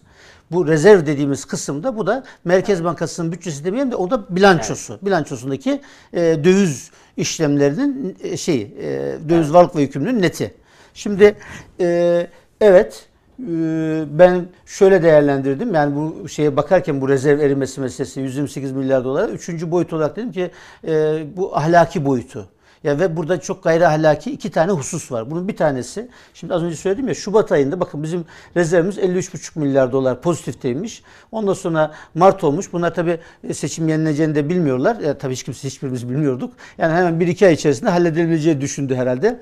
İstanbul seçimleri de yenilendiği için Haziran'a kadar sürdüğü için Haziran'a kadar şey yapılıyor ve Haziran'da 24.6 milyar dolara düşüyor 53,5'tan. 30 yani milyar 30 dolar milyar gitti. dolar işte ben onlara getirip falan da attım birkaç defa. Bu konuyu e, diyebilirim ki ilk ben gündeme getirdim. 30 milyar doları burada harcadı. Bu gayri ahlaki bir şey. Yani siz bizi bizi bizi yurt dışına karşı koruyacak olan, milli paramızın değerini koruyacak, ülkeyi koruyacak, ülkenin kırılganlığını azaltacak bu rezervi iç siyaset malzemesi yapmışsınız. Hükümete diyorum. İç siyaset malzemesi ve bu Parti bu çok gayri ahlaki. Yani kazansın diye. Tabii, kendileri tabii canım işte o kazansın. siyaset malzemesi dedim. Yani bir tane seçim kazanmanın uğruna bu ülkenin 30 mi- o- yani 128 dediğimiz şeyin 30 milyar dolar bir defa burada heba edildi. Hani pandemi diyorlar pandemiyle pandemi mi vardı 2019'un Şubat'ında kardeşim? Siz bu rezervleri harcarken. Cari açık da İkinci, yoktu. Cari açık da yoktu. İkincisi de şu. Tabii böyle bir şeye ihtiyacımız yok. Hani cari açığınız fazla olur. Ondan sonra cari finanse edemezsiniz. Dolayısıyla rezervle finanse edersiniz. Yani elinizdeki parayı kullanarak işte ithalat yaparsınız. Öyle bir şey de yok. Cari fazla verilen bir yılda siz rezerv eritiyorsunuz. Tamamen bu. Bu tabii şu. İkinci gayri ahlaki yapan yan bu, bu işin boyutu şu. Ee, bir teori uydurdu. Faiz sebep enflasyon sonuçtur. Ve şuna inandırdılar kendilerini. Biz evet hem kuru hem de faizi düşük tutarak bu ekonominin sürdürülebilirliğini gösteririz. Adeta Türkiye'yi yani ve Türk milletini bir denek olarak bir laboratuvar gibi kabul ettiler burayı. Hatırlayın yani bu 2020'de de yapıldı, 2019'da yapıldı. İşte belli kurlarda uzun süre tutmaya çalıştılar. Kuru, kuru tutmak için uğraştılar. Bu arada aşırı bir rezerv harcandı. Ben bunu da gayri ahlakı buluyorum. Niye? Çünkü olmayan bir teoriye kendinizi inandırdınız. Ben o hani bir artık enaniyet yapılıyor, nefis yapılıyor. Ben bu teorim benim teorim bak nasıl geçerli göreceksiniz bunu size göstereceğiz dediniz ve bu ülkenin rezervlerini harcadınız. En sonunda ne oldu? Tabii tutmak mümkün mü? Değil. En sonunda hepsi birden patladı. Yani bakın bir, bir de şunu söylüyorum. Yani bu kadar illegal iş yaptınız. Bir defa e, bilmiyorum konuşacak mıyız? Yani hani bir protokol çerçevesinde bu işin hazine ve merkez bankası isterseniz mevzuatlarında getirdim Evet. detaylarını konuşabiliriz. Hazine ve kamu bankaları üzerinden yapılması hiçbir şekilde hukuki değil. Bizim bu soru e, e, Protokol bunu kurtarmaz mı? hayır asla kur- kurtarmaz. Protokolde bir şey yok. Kaldı ki protokolün yaslandığı maddede bir şey yok. Merkez Bankası kanunu çok net bir şekilde söylüyor. Para politikasının uygulamasından tek sorumlu kurum Merkez Bankası'dır diyor. Şimdi nasıl getirip de hazine eski hazine müsteşarı o zaman yapıldığında protokol müsteşarlıklı veya şimdi bakanlığı hazineyi nasıl bu para politikasının göbeğine oturtursunuz? Üstelik bir de kamu bankalarını. Bunun kamu bankalarının da boyutu- kanunu belli. Hukuki boyutu var mı? Ya değil işte hukuki değil. Yok yani hukuki yaptırım yani bunun öyle Ya yaptırım yaptırım mahkeme çalışmadığı için memlekette yaptırım yok ama yarın bir gün bu memlekette mahkemeler çalıştığı zaman bunun yaptırımı elbette olacak. Burada bunun altına imza atan bürokratların da sorumluluğu vardır. Bu kapsamda bu rezervleri eritenlerin de Yüce Divan'da yargılanma sorumluluğu vardır. Çok net bugünleri o günleri görmemiz lazım. Yani şimdi e, böyle ne bileyim ben iki tane şey için eksik aldı bilmem ne aldı ve e, e, bakanların yüce divan yargılansın diye şeylerin konuşuldu. Hatta geçmişte de yargılandığı şeyler varken ortada yüz milyarlarca doları heba edilmesiyle ilgili peşkeş çekilmesi de olabilir içerisinde başka şeyler de olabilir. E bu, bu yargılanmayacak mı bunun? Elbette yargılanması lazım. Hukuki değil. Hukuki hiçbir hukuki mesnedi olmayan tamam mı? Hatta tam tersine kanun açık bir şekilde para politikasından tek sorumlu kuruluş Merkez Bankası'dır derken Merkez Bankası'nı bypass edip adeta paralel bir Merkez Bankası yaratmışsınız siz. Tamam mı? O zaman da Merkez Bankası Başkanı damat bakan çok şey dominant herkesin üzerinde tepesinde. Ondan sonra bastırıyorlar. Sen de sus diyor. Merkez Bankası Başkanları da ağzını açmamış. Tamam mı? Burada başka bir alan oluşturulmuş ve bir para politikası uygulanmış. Yani Merkez Bankası'nın bir tane e, şey sattığına dair ne bir ihalesi var, ne bir duyurusu var, ne bir daha sonradan raporladığı e, bir şey var internet sitesinde. Fakat Merkez Bankası'nın rezervleri takır takır takır erimiş. Ya bunun hesabı sorulmayacak mı? Veya bu hesap sorulmamalı mı? Böyle bir şey olabilir mi? Kabul edebilir miyiz? Zaman aşımı süresi var mı bunlarla alakalı? O kadar hukuk şeyini bilmiyorum ama yani inşallah yoktur. Yani zaman aşımını kesecek bir şey yapmak lazım. Onu bilmiyorum. Yani e, evet. Şimdi şeyi e, sormak istiyorum ben size. E, Bu enflasyondan çıkacaksan çıkmadan ben bir şeyi Buyur, sormak tamam, istiyorum tamam. yine. Ş- Şu Ş- Şahap Bey ile ilgili yani ben kabaca akım maliyetle beraber bir trilyonluk adam Bey. Yani Türkiye'ye maliyeti bir trilyona yakın mal oldu. Yani Kesin. o, o dolayısıyla Şahap Bey'i biraz yakın incelemek Evet, lazım. lazım. Takip etmek lazım. Yani düşünebiliyor musunuz? Bir şey getiriyorsunuz yani 3 bin lira 5 bin lira bile bir ürün, fiyat verip bir ürün alsanız dikkat edersiniz o ürüne. Yani bir trilyona mal olmuş bir adam. Türkiye'nin en Ee, değerli adamı o zaman en, en değerli adamı şey ya. Artık diğer parametrelerin hiçbirini değiştirmeden bir trilyona mal olmuş. Şimdi dedi ki Bey bu son e, enflasyon toplantısında son toplantısında Nisan ayında enflasyon zirveye varacak. Ondan sonra merak etmeyin enflasyon düşecek noktasına geldi. E, Nisan ayı zirve olacak dedi. Ama kendisinden yani faiz artıramayacağını biliyoruz da faiz indirme noktasında da işte geçen ayki e, Merkez Bankası toplantısında işte metinden çıkardığı şeylere bakıldığı zaman Haziran ayında enflasyon düşmeye başlayacak ve Merkez Bankası da faiz indirmeye başlayacak e, şeyi var piyasada havası var. Ve Şahap Bey de bu toplantısında dedi ki Nisan ayında enflasyon zirveye ulaşacak ondan sonra enflasyon düşmeye başlayacak. Ne zaman indirim yapıl- yapılır noktasında bir açıklama yapmadı ama şu cümleyi kullandı. Enflasyon düşmeden faizi indirmeyeceğiz. Ya faizler enflasyon üzerinde kalacak dedi. Evet faizler Orada enflasyon üzerinde yarattı yine kalacak. tabii, belirsizlik E, yarattı. o zaman e, şimdi e, Erhan Bey şu soruyu sormak istiyorum. 2013'ten beri Türkiye'de enflasyon e, faiz ilişkisi e, faiz sebep enflasyon sonuçtur. E, teorisi ne oldu? Tabii onu unuttu canım. O o Şahap şeyde Bey'in o köşe yazarlığı yaparkenki vaktiydi. Şimdi gerçekler, gerçek hayatla yüzleşti. Ama tabii şimdi Şahap Bey'in ya neyin anlatalım? Yani iki tane iki programı da hem basın toplantısı hem televizyon programı. Yani bir defa oturduğun koltuğun farkında değil. Kesinlikle farkında değil. Yani hangi koltuğa oturduğunu bir defa bilmiyor. Fakat tabii şimdi ha şunu söyleyeyim. Bakın şimdi biz Merkez Bankası'nı eleştiriyoruz, ediyoruz. Şimdi Şahap Bey de öyle hemen hedef saptırıyor. Diyor ki ya burası da çok yetişmiş insanlar var. Kardeşim bizim onlara bir şey dediğimiz yok. Biz o insanlara da güveniyoruz Merkez Bankası'na. Bizim söz söylediğimiz kişiler üst düzeydeki karar alıcılar, para politikası kurulu Dışarıdan ve gelenler. Şey, ve merkez, başkan ve kurul bizim söylediğimiz. Yoksa orada çok e, kaliteli, çok nitelikli ekonomistler var. E, çok yani meslek hayatımız boyunca biz Merkez Bankası'yla ortak çalıştık. Yani çok kaliteli insanlar var. Mesela biz onlara olan güvencimizden dolayı zaten e, Naci Abap e, Plan Bütçe Komisyonu'na geldiğinde para politikası kurulunun o genel müdürlerin katıldığı toplantı tutanaklarını açıklayın yeter demiştim ben ona. Yani 128 milyar dolar ne oldu meselesini. Onlar ne demiş oradaki genel müdürler? Onların söylediğini siz bize hani o, o tutanaklar açıklansın onları bilmemiz yeter bizim Yani e, dolayısıyla hani hani iş soruşturulsun falan diyorduk ya. O da Yani, Haziran'ı açıklarım tabii dediği şimdi- o muydu? Efendim? Haziran'ı açıklarım dediği o muydu? Sizin sorduğunuz bu soru muydu? Yok bana orada ona cevap vermedi. Daha sonra cevap verdiyse bilmiyorum. Haziran açıklarım o zaman bir şey söylemedi. Naci Bey tabii onun sıkıntılı bir şey olduğunu bildiği için o topa or- orada girmedi. Ama biz onu özellikle önerdik. Bize o tutanaklar açıklayın. Ha ben şimdi oradaki personele güvenmesem, oradaki bürokratlara güvenmesem bunu söylemem. Çünkü bürokrat da aynı şey hani yapmıştır diye. Değil. Burada sıkıntılı olan para politikası kurulu üyeleri ve işte başkanıdır Merkez Bankası'nın. Bizim bir defa Merkez Bankası ile her- ilgili herhangi bir sorunumuz yok. Şimdi eee ne iş yapıyorduk? E, bu faiz düşürme, enflasyon Ha, faiz tabii. sebebi ilişkisi. Şimdi, tabii. Dolayısıyla kurum onu zorluyor. Şimdi geldiğinde tabii kurum önüne bir takım metinler koyuyor. Ondan sonra şeyin yani ekonominin kurallarını söylüyor. Dolayısıyla eski şeylerini unuttu. Dediğiniz gibi tamamen şu anda onları yalanlıyor. Fakat bu şeyden dolayı o e, o teoriden dolayı işte ülkenin az önce ülkeye olan maliyetlerini az önce ifade ettik. Ha şu anda Merkez Bankası Başkanı buna ne kadar inandı onu ben bilmiyorum. Yani piyasada güvenmiyor. Bakın ben piyasayla da konuşuyorum. Siz de mutlaka konuşmuşsunuzdur. İnsanlar yani çünkü şunu bir defa söylemedi. Yani biz eğer Mesela şimdi ne diyor Merkez Bankası? Nisan'da zirve yapacak ama piyasanın beklentisi Mayıs'ta ve Haziran'da da hatta zirve olabileceği. Evet. Çünkü rakamlar da onu gösteriyor. Bakın %15 bir kur şoku yedik mi? Biz yedik. E, geçişkenlik kur enflasyon geçişkenliği %20 dedi.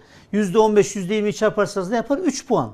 Şimdi 9.4'ten 12,2'ye yükseltildi enflasyon. Yani 2,8 yükseldi. Daha 3 puan bile yükseltilmedi. Şimdi bu 3 puanın e, önemli bir kısmı ilk aylarda olmak üzere bir yıl içerisinde enflasyona gelecek bir şey. Dolayısıyla zirve Nisan'da zirveyi görmeyeceğiz biz. Mayıs'ta veya belki de Haziran'da zirve yapacak.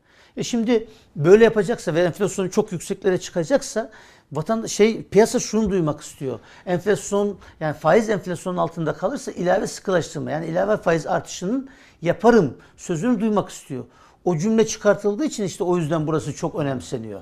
Evet. Yani belirsizlikte e şimdi diyor ki e, enflasyonu enflasyonun üzerinde tutacağız faizi diyor. Şu anda Merkez Bankası Başkanı tek söylediği şey o.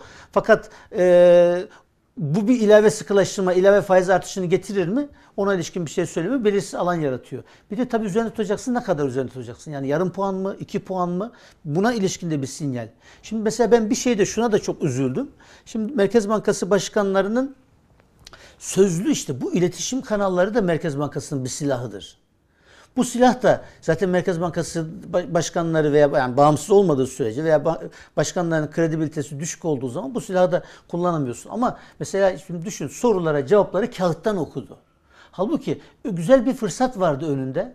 Yani böyle samimiyetle yine kafandaki politikalara göre konuş ama samimiyetle bazı sorulara cevap vermiş olsaydı o işte sözlü iletişim kanalını da kullanarak yine piyasalar üzerinde olumlu bir etkisi olacaktı. O şu anda o şeyde ya Merkez Bankaları açısından İbrahim Bey siz takip ediyorsunuz. Yani çok önemli bir şeydir o kanalın kullanılması. Bir kuruş mermi harcamadan sadece iletişimle o, o ifadelerinizle e, piyasalara bir mesaj verirsiniz. Mesela o şu anda bizim o kanal hiç çalışmıyor. Hatta Amerika Avrupa Merkez Bankası Tabii. neredeyse tamamen sözlü Tabii yönlendiriyor. söz, sözlü yani. yönlendirmeyle Faiz- yapılır. Şimdi mesela bu yok. Bunun için e, yani mesela şunu söyleyesi geliyor insan. Keşke bu basın toplantısı yapılmasaydı. Keşke bu televizyon programı hiç yapılmasaydı. Merkez Bankası Başkanı kredibilitesi daha daha biraz daha iyi olurdu. Her türlü kuşkuya rağmen. Yani oradaki ifadeleri, konuştuğu cümleler, konuşma tarzı, meselelere yaklaşımı, bir siyasetçi gibi davranması, bir siyasetçi gibi davrandı ya, bir teknisyen gibi davranmadı. Muhalefeti suçlayıcı. İşte onlar algı operasyonu yapıyorlar. Onlara şu, bunlara bu. Hele o İHA ile SİHA'ya Merkez Bankası rezervleriyle o savunma sanayi harcamaların arasındaki o ilişkiyi kurdu ya, zaten orada bütün piyasa bitti. Ya bu ilişki nasıl kurulabilir ya? Nasıl böyle bir ilişki kurabilirsiniz? Şimdi Merkez Bankası Başkanı bunu söyledi. Dolayısıyla yani e, sözlü yönlendirme filan o iletişim kanalı hiç çalışmıyor. E, zaten rezerv kanalında bir şey yok. O çalışmıyor. İşte o yüzden diyoruz tek elde kalan şey faiz. Onu da ne kadar kullanacağı konusunda piyasanın endişesi var. Bunun vatandaş açısından ben bu konuyla ilgili son şeyi sorayım o zaman. Yok. Bunun yani bunca saydığımız mesele, Merkez Bankası ile ilgili, rezervle ilgili bunca saydığımız mesele ben köyde oturuyorum. Köyde oturuyorum, bahçede oturuyorum. Sizi dinli seyrediyorum, dinliyorum. Bana ne diye- diyeceğim şimdi? Bana maliyeti ne? Vatandaşa maliyeti kısa, orta, uzun vadede Tabii, tabii. maliyeti Esas ne olacak? maliyeti vatandaşa. Bu işte Şahap Bey'in gelmesi ve böyle işte karıştırır vermesi. Yani Şahap Bey gelmiş Nisan'da şey olacakmış, olmayacakmış. Bu köydeki vatandaşa şey ne? Köydeki vatandaşa şey şu. Bir defa e, bu tür yanlış işler yapılırsa yani bu rezervin eritilmesi veya enflasyonun yüksek olması bir defa maaşı varsa maaşı reel olarak maaşının alım gücü düşüyor. Yani hayat pahalılaşıyor. Maaşının değeri düşüyor. Veya çiftçi ise ürünü para etmiyor bu sistem içerisinde. Veya çocuğun işi yoksa, çocuğu iş arıyorsa veya çocuğu İstanbul'da bir yerde çalışıyorsa çocuğu işini kaybedecek. Yani e, ondan sonra elektrik faturası, kullandığı yaktığı elektriğin faturası artacak. Yani odunun kömürün fiyatı artacak. Her şeyi de- değiştirecek. Esas bizim kaygımız vatandaş. Esas bütün bu olumsuzluklar gelirini e, istediği gibi ayarlayamayan kesimlere oluyor. Mesela biz bunları analiz ederken şunu söylüyoruz. Bu, pandemide de öyle, bu, bu ekonomik krizlerde de öyle. En korunaksız kesimler en fazla zararı görüyor. Kimler görüyor? Mesela kadınlar görüyor. Kadın çalışanlar, genç çalışanlar görüyor. Kayıt dışı çalışanlar ilk önce. O muhtemelen işte köyde oturan amcamızın çocuğu muhtemelen kayıt dışı çalışıyor. E, sigortasız çalışıyor İstanbul'da, Bursa'da, Ankara'da, İzmir'de. Onun çocuğu işsiz kalacak. Zaten kaygımız o. Yoksa bu işten sadece zenginler zarar görecek olsa ben ne bu, bu kadar gırtlağımı patlatayım. Vatandaş zarar görüyor. Ekonominin geneli zarar görüyor. Veya birazcık işte esnafsa esnaf zarar görüyor bu yaptıklarımızda. Yani evine ekmek götüremeyecek duruma geliyor. Veya küçük bir üretim yapıyorsa işini sürdüremeyecek. Elemanını çıkartacak. Veya iş yerini devretme işte Hindistanlara satacak şey kobisini. Dolayısıyla bu yani bu enflasyon olarak bu efendim e, işsizlik olarak e, veya ekonomi ekonomideki diğer sıkıntılar her neyse her biri olarak vatandaşı etkileyecek. Özellikle gelirini ayarlayamayan. Şimdi siz e, çok Türkiye'de kimsenin üretmediği bir malı üretiyorsunuzdur. Tamam mı? Fiyatlar artar, dolar artar. Malınızın fiyatını artırırsınız. Çünkü herkes mahkumdur sizden onu almaya. Yani kendinizi yani enflasyona göre ayarlayabilirsiniz. Ama sabit gelirliyseniz nasıl ayarlayacaksınız? Ayarlayamıyorsunuz enflasyona göre. Vatandaş işinden ben de bir şey sormak istiyorum. Şimdi vatan yani sizi dinliyoruz. Güzel, gayet güzel konuşuyorsunuz. Ee, eleştiriyorsunuz ama hep sorunları anlatıyorsunuz. 10 milyon işsiz var. Yani Türkiye'de her üç vatandaştan birisi işsiz. Enflasyon arttı. Pandemide ülke işte yani devlet yardım yapamadı. Faizler aldı başını gidiyor. Türkiye ekonomisi kötü yönetiliyor. Bunların hepsini söylüyorsunuz. Söylüyorsunuz ama somut çözüm önerisi sun, sunuyor musunuz? Sunmuyorsunuz. Yani e, Aslında biz sunuyoruz onu söyleyeyim. Yani mesela diyorsun mesela şunu konuşuyoruz. Yani pandemide diyelim ki burada işte Amerika mesela e, milli gelirinin yüzde 24,4'ünü Tabii, 25 yardım. doğru. Evet 25. E, İngiltere milli gelirinin yüzde 16.3'ünü yardımlara ayırmış. Hatta hiç çalışamayacak olanların çalışma saatlerine göre maaşlarının yüzde 80'ini devlet karşılamış. Almanya'dan bir örnek verelim. O da 3 mali teşvik paketi açıklamış. Milli gelirinin yüzde 11'ini yardımlara ayırmış. E, 419 milyar dolar harcamış. evet. Almanya. Almanya. Şimdi e, burada bir şey daha vardı. Ailelere, işsizler, yaş, yaşlılara, gençlere ek mali destekler verilmiş. Sanat ve sanatçıya da 2 milyar euro ayrılmış. Rusya milli gelirinin 2.9'unu mali teşviklere ayırmış. Evet. Şimdi bütün bunlar iyi güzel. İktidar yapmadı ve veremiyor. Ee, iktidar hani şurada şu para var. Siz ödeyebilirsiniz ya da biz olsak bu ülkeyi kötü yönetiyorsunuz. Biz olsak şöyle yönetirdik. Burada şu hata var. Ekonomi yönetimini şundan dolayı kötü yönetiyorlar. Biz bunları böyle düzeltebiliriz.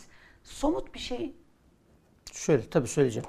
Şu, bir defa şunu Yani bu- söyleyeyim. Bu, bir eksik değil mi? Tabii. Vatandaş mesela sizi dinlediği zaman Biz şunu yapmaya çalışıyoruz. Belki onu ne kadar vatandaşımıza aktarabiliyoruz onu bilmiyorum ama özellikle mesela yani bizim Sayın Genel Başkanımız da yapıyor. Ee, biz de grup toplantılarına e, şey konuşma metinlerine katkı veriyoruz. Mutlaka çözüm önerileri olur. Yani son kısmında her şeye ilişkin. Mesela biz bak hiç kimse gündemde değil. Siyasi falan da değil. Mesela bu haftaki değil bir önceki haftada e, İyi Parti'nin vergi politikasına ilişkin çözüm önerilerini söyledik biz. Vergiye ilişkin. Ondan önceki hafta işte bu geçen hafta işsizliğe ilişkin çözüm önerilerini söyledik. Ondan önceki hafta tarımla ilgili mesela söyledik falan. Tarım mesela çok beğenildi piyasada. Bir şey, eşik fiyat uygulaması dedik. Bir takım şeyler falan söyledik. Biz bunlar arasında yapmaya çalışıyoruz. Veya işte birkaç gün önce hemen bu e, kapatma kararı açıklandığında dedik ki şu tedbirler alınsın dedik. Mesela işte e, mücbir sebep hali olsun.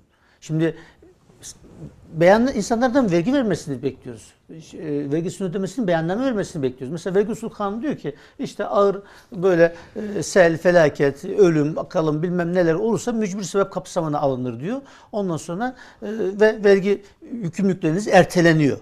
E burada da bu yapılsın. Şimdi 17 gün kapanmaya, e bütün ekonomiyi durduracağım diyorsunuz. Bu bir mücbir sebep değil mi? Bu mücbir sebep kapsamını almış olsa zaten otomatik olarak bazı şeyler yapılıyor. Mesela bunları önerdik. Yani biz sadece niye millete para vermiyorsun diye yapması gereken işi de söylüyoruz. Veya vereceği paranın miktarına ilişkin, maliyetine ilişkin hesaplar yapıyoruz. İşte az önce söylediğim gibi vergi politikamızı anlatmışız, tarım politikamızı anlatıyoruz. Mesela şimdi bütçeden karşılansın diyoruz. Bakın size bir rakam vereceğim. 2008, 2018'in Temmuz ayından itibaren Türkiye yan, mesela bunu çok vurguladım ben. Yanlış bir borçlama stratejisi izledi Türkiye. Ne yaptı?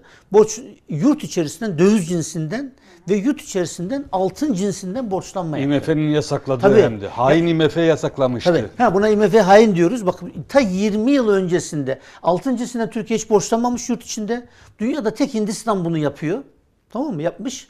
Ondan sonra döviz cinsinden borçlamayı da en son 2000'lerin başında bırakmışız. Ondan sonra ondan sonra yani 20 yıldır uygulaması olmayan bir borçlanma yöntemini getirdi. Buralardan paraları işte yaptı. Sadece bunun maliyeti, bütçeye faiz maliyeti bu yanlış borçlanmanın. Yani böyle değil de normal faiz oranları, yurt içi faiz oranları üzerinden borçlanmış olsaydı 135 milyar lira daha az olacaktı. Ya bu hatayı yapmamak işte 135 milyar lira kaynak demek. Anlatabiliyor muyum? 135 milyar lira. Yani iki buçuk yıllık dönem içerisindeki yanlış borçlama. Şimdi o yanlışın farkına vardılar döviz cinsinden. Ee, eylem planında en son Lütfü Elvan açıkladı. Eylem planında döviz cinsinden yurt içinde borçlama yapılmayacaktır diye madde yazdı. He zaten yapılmıyordu işte. Siz kendiniz yaptınız. Şimdi kendiniz yasak. Ama altına devam ettiriyorlar. Bu- Sayın Cumhurbaşkanı'nın bir altın sevgisi var. Ben bunu anlayamadım. Ya bir altına bir sevdası var. Tamam mı? Bir, bir Mesela- arsa, bir altın. Arsa ve altın müthiş müthiş. Şimdi otonomi açılışı diye bir şey vardı. Ben bunu Cumhurbaşkanı Yardımcısı Bütçe görüşmede Ticaret Bakanı bu Ruhsar Pekcan'a da söylemiştim. Ee, şeyde e, Cumhurbaşkanı Yardımcısı adı neydi? Ee, ona Fuat da. Fuat Oktay'a da söyledim. Ya dedim ya sizin bir tane aklı başına danışmanınız yok mu? Cumhurbaşkanı bu ülkede e, tarihini söylüyor bilmem ne kaç Aralık işte 2016 otonomi şeyinde e, konuşmasında Cumhurbaşkanı diyor ki dolar almayın diyor altın alın diyor. Millete altın almayı tavsiye etti. Ama şimdi diyor ki altınlarınızı yastık altındaki altınlarınızı Hayır, bankaya şimdi- yatırın diyor. Şimdi Değerlendirin e, e, finans e, kurumunu. Onu söylüyor da bakın şimdi bakın yani şu yanlışlığa bakın. Altın alma şey dolar almayın altın al. Ya dolar alınmasın tamam dolar bir şey. Ya altın alma niye tavsiyesinde buluyor? Altını biz neyle alıyoruz yurt dışından? Dolarla alıyorsun. Şimdi altın almak için zaten bir defa önce dolara ihtiyacın var. Bir de altın alıyorsun. Şimdi sadece dolar alsak hiç olmazsa dolar ödemeler dengesinde bir ithalat rakamı olarak görünmediği için cari açığımızı bozmuyor. Ticaret açığımızı bozmuyor. Şimdi altın aldığı zaman ve millet yüklendi altın almaya. Ondan sonra altın aldığı zaman ne oluyor? Önce bir hem dolara talep olacak. Dolar kuru artıyor. İki ithalatın artıyor. Cari açığın bozuluyor. Şimdi yani bu ülke böyle yönetiliyor. Şimdi bu yanlışların yapılmaması durumunda. yönetiliyor, böyle mi yönetilmiyor? Yönetilmiyor, yönetilmiyor. Şimdi mesela dediğim gibi bu sadece bir borçlama. Kamu özel işbirliği projeleri var. Biz bunu mesela net olarak söylüyoruz. Ee, diyoruz ki bu kamu özel işbirliği projelerinin e, devlete yükü, kamu maliyesine veya topluma aslında sadece devlet de değil, topluma da büyük. İlla ki hazine garantisi kapsamında bizim ödememiz gerekmiyor. Biz ödemesek bile toplum ödüyorsa şimdi Osman Gazi Köprüsü'nün tam rakamını hatırlayamayabilirim ama e, normal sözleşmeye göre yaklaşık 350 lira falan olması gerekiyor. Tamam mı? Dolar cinsinden 45 dolar üzerinden Aşağı falan şey yukarı var. 45-46 Öyle, dolar, öyle. 350 lira. 300, 350 lira civarında. Şimdi 118 lira falan. Şimdi buna rağmen 147 lira şu anda. Arttı mı o zaman? Tamam. Bu yıl başı 147'ye çıkardılar. 350 yerine 150 Olur, ödüyoruz. 350 diye. ödedim. Ben en son geçtiğimde 100, 118 120 falan ödemiştik. Şimdi e, dolayısıyla ne oldu? Yani isterse 350 olarak alalım. hiçbir kuruş hazine garantisinden para ödemeyelim isterse. Şimdi topluma bir yüktür, ekonomi bir maliyettir. Oradan iş adamı geçiyor, onu getiriyor işte fiyatın üzerine koyuyor. İhracatı zorlaşıyor bilmem ne. Bu hesaplar böyle yapılır bütün dünyada. Kaldı ki işte 350 lira olması gerekeni 150 liraya düşürdük. Ona rağmen hazineden üstünün tamamını siz yapıyorsunuz. E biz dedik ki burada şimdi e, bununla ilgili Osman Gazi Köprüsü ile ilgili biliyorsunuz hem bizim Sayın İsmail Tatlıoğlu'nun hem de benim mecliste e, konuşmalarımız oldu. Çok net hesaplarını verdik biz bunların. Yani burada yaklaşık nereden en fazla maksimum 3 milyar dolar bütün işletme dönemi boyunca oluşacak bir maliyet var. Bunun karşılığında garanti edilen maliyet 13 milyar dolar. Dünyanın neresinde var 3 milyar dolar yatırıp 13 milyar dolar kaz- şey yapmak, hasılat elde etmek, 10 milyar dolar kazanmak.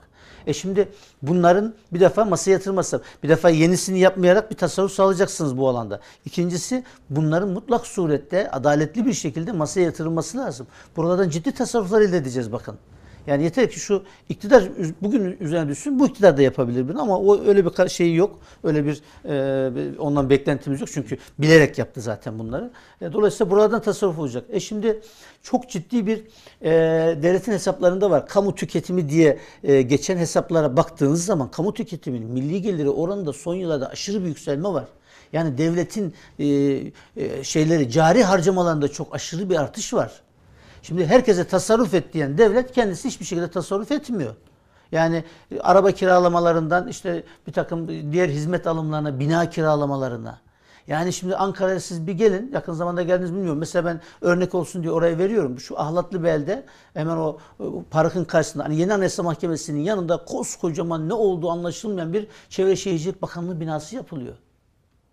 Yani e şimdi siz e buralarda tasarruf ediniz. Bunlar ölü yatırım. Elif Hanım yani buralardan zaten para kazanma imkanınız yok. Bunu özel sektör yaparsa da aşırı bir inşaat yatırımına yani betona karşı çıkmamız lazım. Hele hele kamunun yapması durumunda tamamen bir de işte vergilerle gidiyor. Yani e, bunu yapınca ne yapıyorsunuz? O zaman bu ya, ya parayı buraya harcayacaksınız sınırsız paranız yok. İşte elimiz diyelim ki bütçemiz şu kağıdın tamamı kadarsa bütçeniz bunu bir yerlere kullanacaksınız. Zaten bütçe dediğimiz önceliklendirme değil mi? İşte o yüzden şu anda mesela pandemide esnafa para veremiyor. Çünkü paraları işte kamu özel işbirliği projelerinden müteahhitlere veriyorsun. İşte i- idari bina yapımlarından dolayı birilerine verdin. Oraya verdin, buraya verdin. E, bütçede para kalmadı. Siz devlette çok çalışmışsınız. Devlet Planlama Teşkilatı'nda da devlette itibardan tasarruf olur mu? Efendim bu, bunun üzerinden bunu itibar aracı olarak görmek kadar ilkel bir zihniyet olamaz. İtibardan elbette tasarruf olmasın. Yani devletin itibarı her şeyin üzerindedir. Ama para harcayarak itibar olmaz. Onlara ben gidin şeye bakın derim. Bak bu, bunu devlette çalışırken de bir tane bakan bana söylemişti. Dedim o Orta Doğu zihniyeti. Şimdi Suriye'de ben şeyin e, Es- Beşar Esad'ın sarayına gitmiştim tamam mı? Bizimkinden daha muhteşem. İşte ama orası Suriye. E bir Beyaz Saray'a git Amerika'ya. Dünyanın devi, dünyanın bir numarası. Yani hiç öyle bir sarayla, bina ile falan bir ihtişam peşinde falan koşulmuyor. Artık o geçmiş devirlerde kalmış bir şey.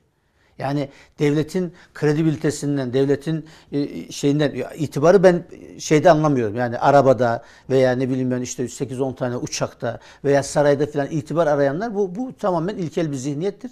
Oradan itibar aramaz. İtibar nerede olur? Rahip Branson'ı vermeyeceğim dediğiniz zaman eğer sözünü tutabiliyorsanız o zaman siz itibarlı bir devlet adamısınız. O zaman Türkiye Cumhuriyeti Devleti de itibarlı bir devlet olur.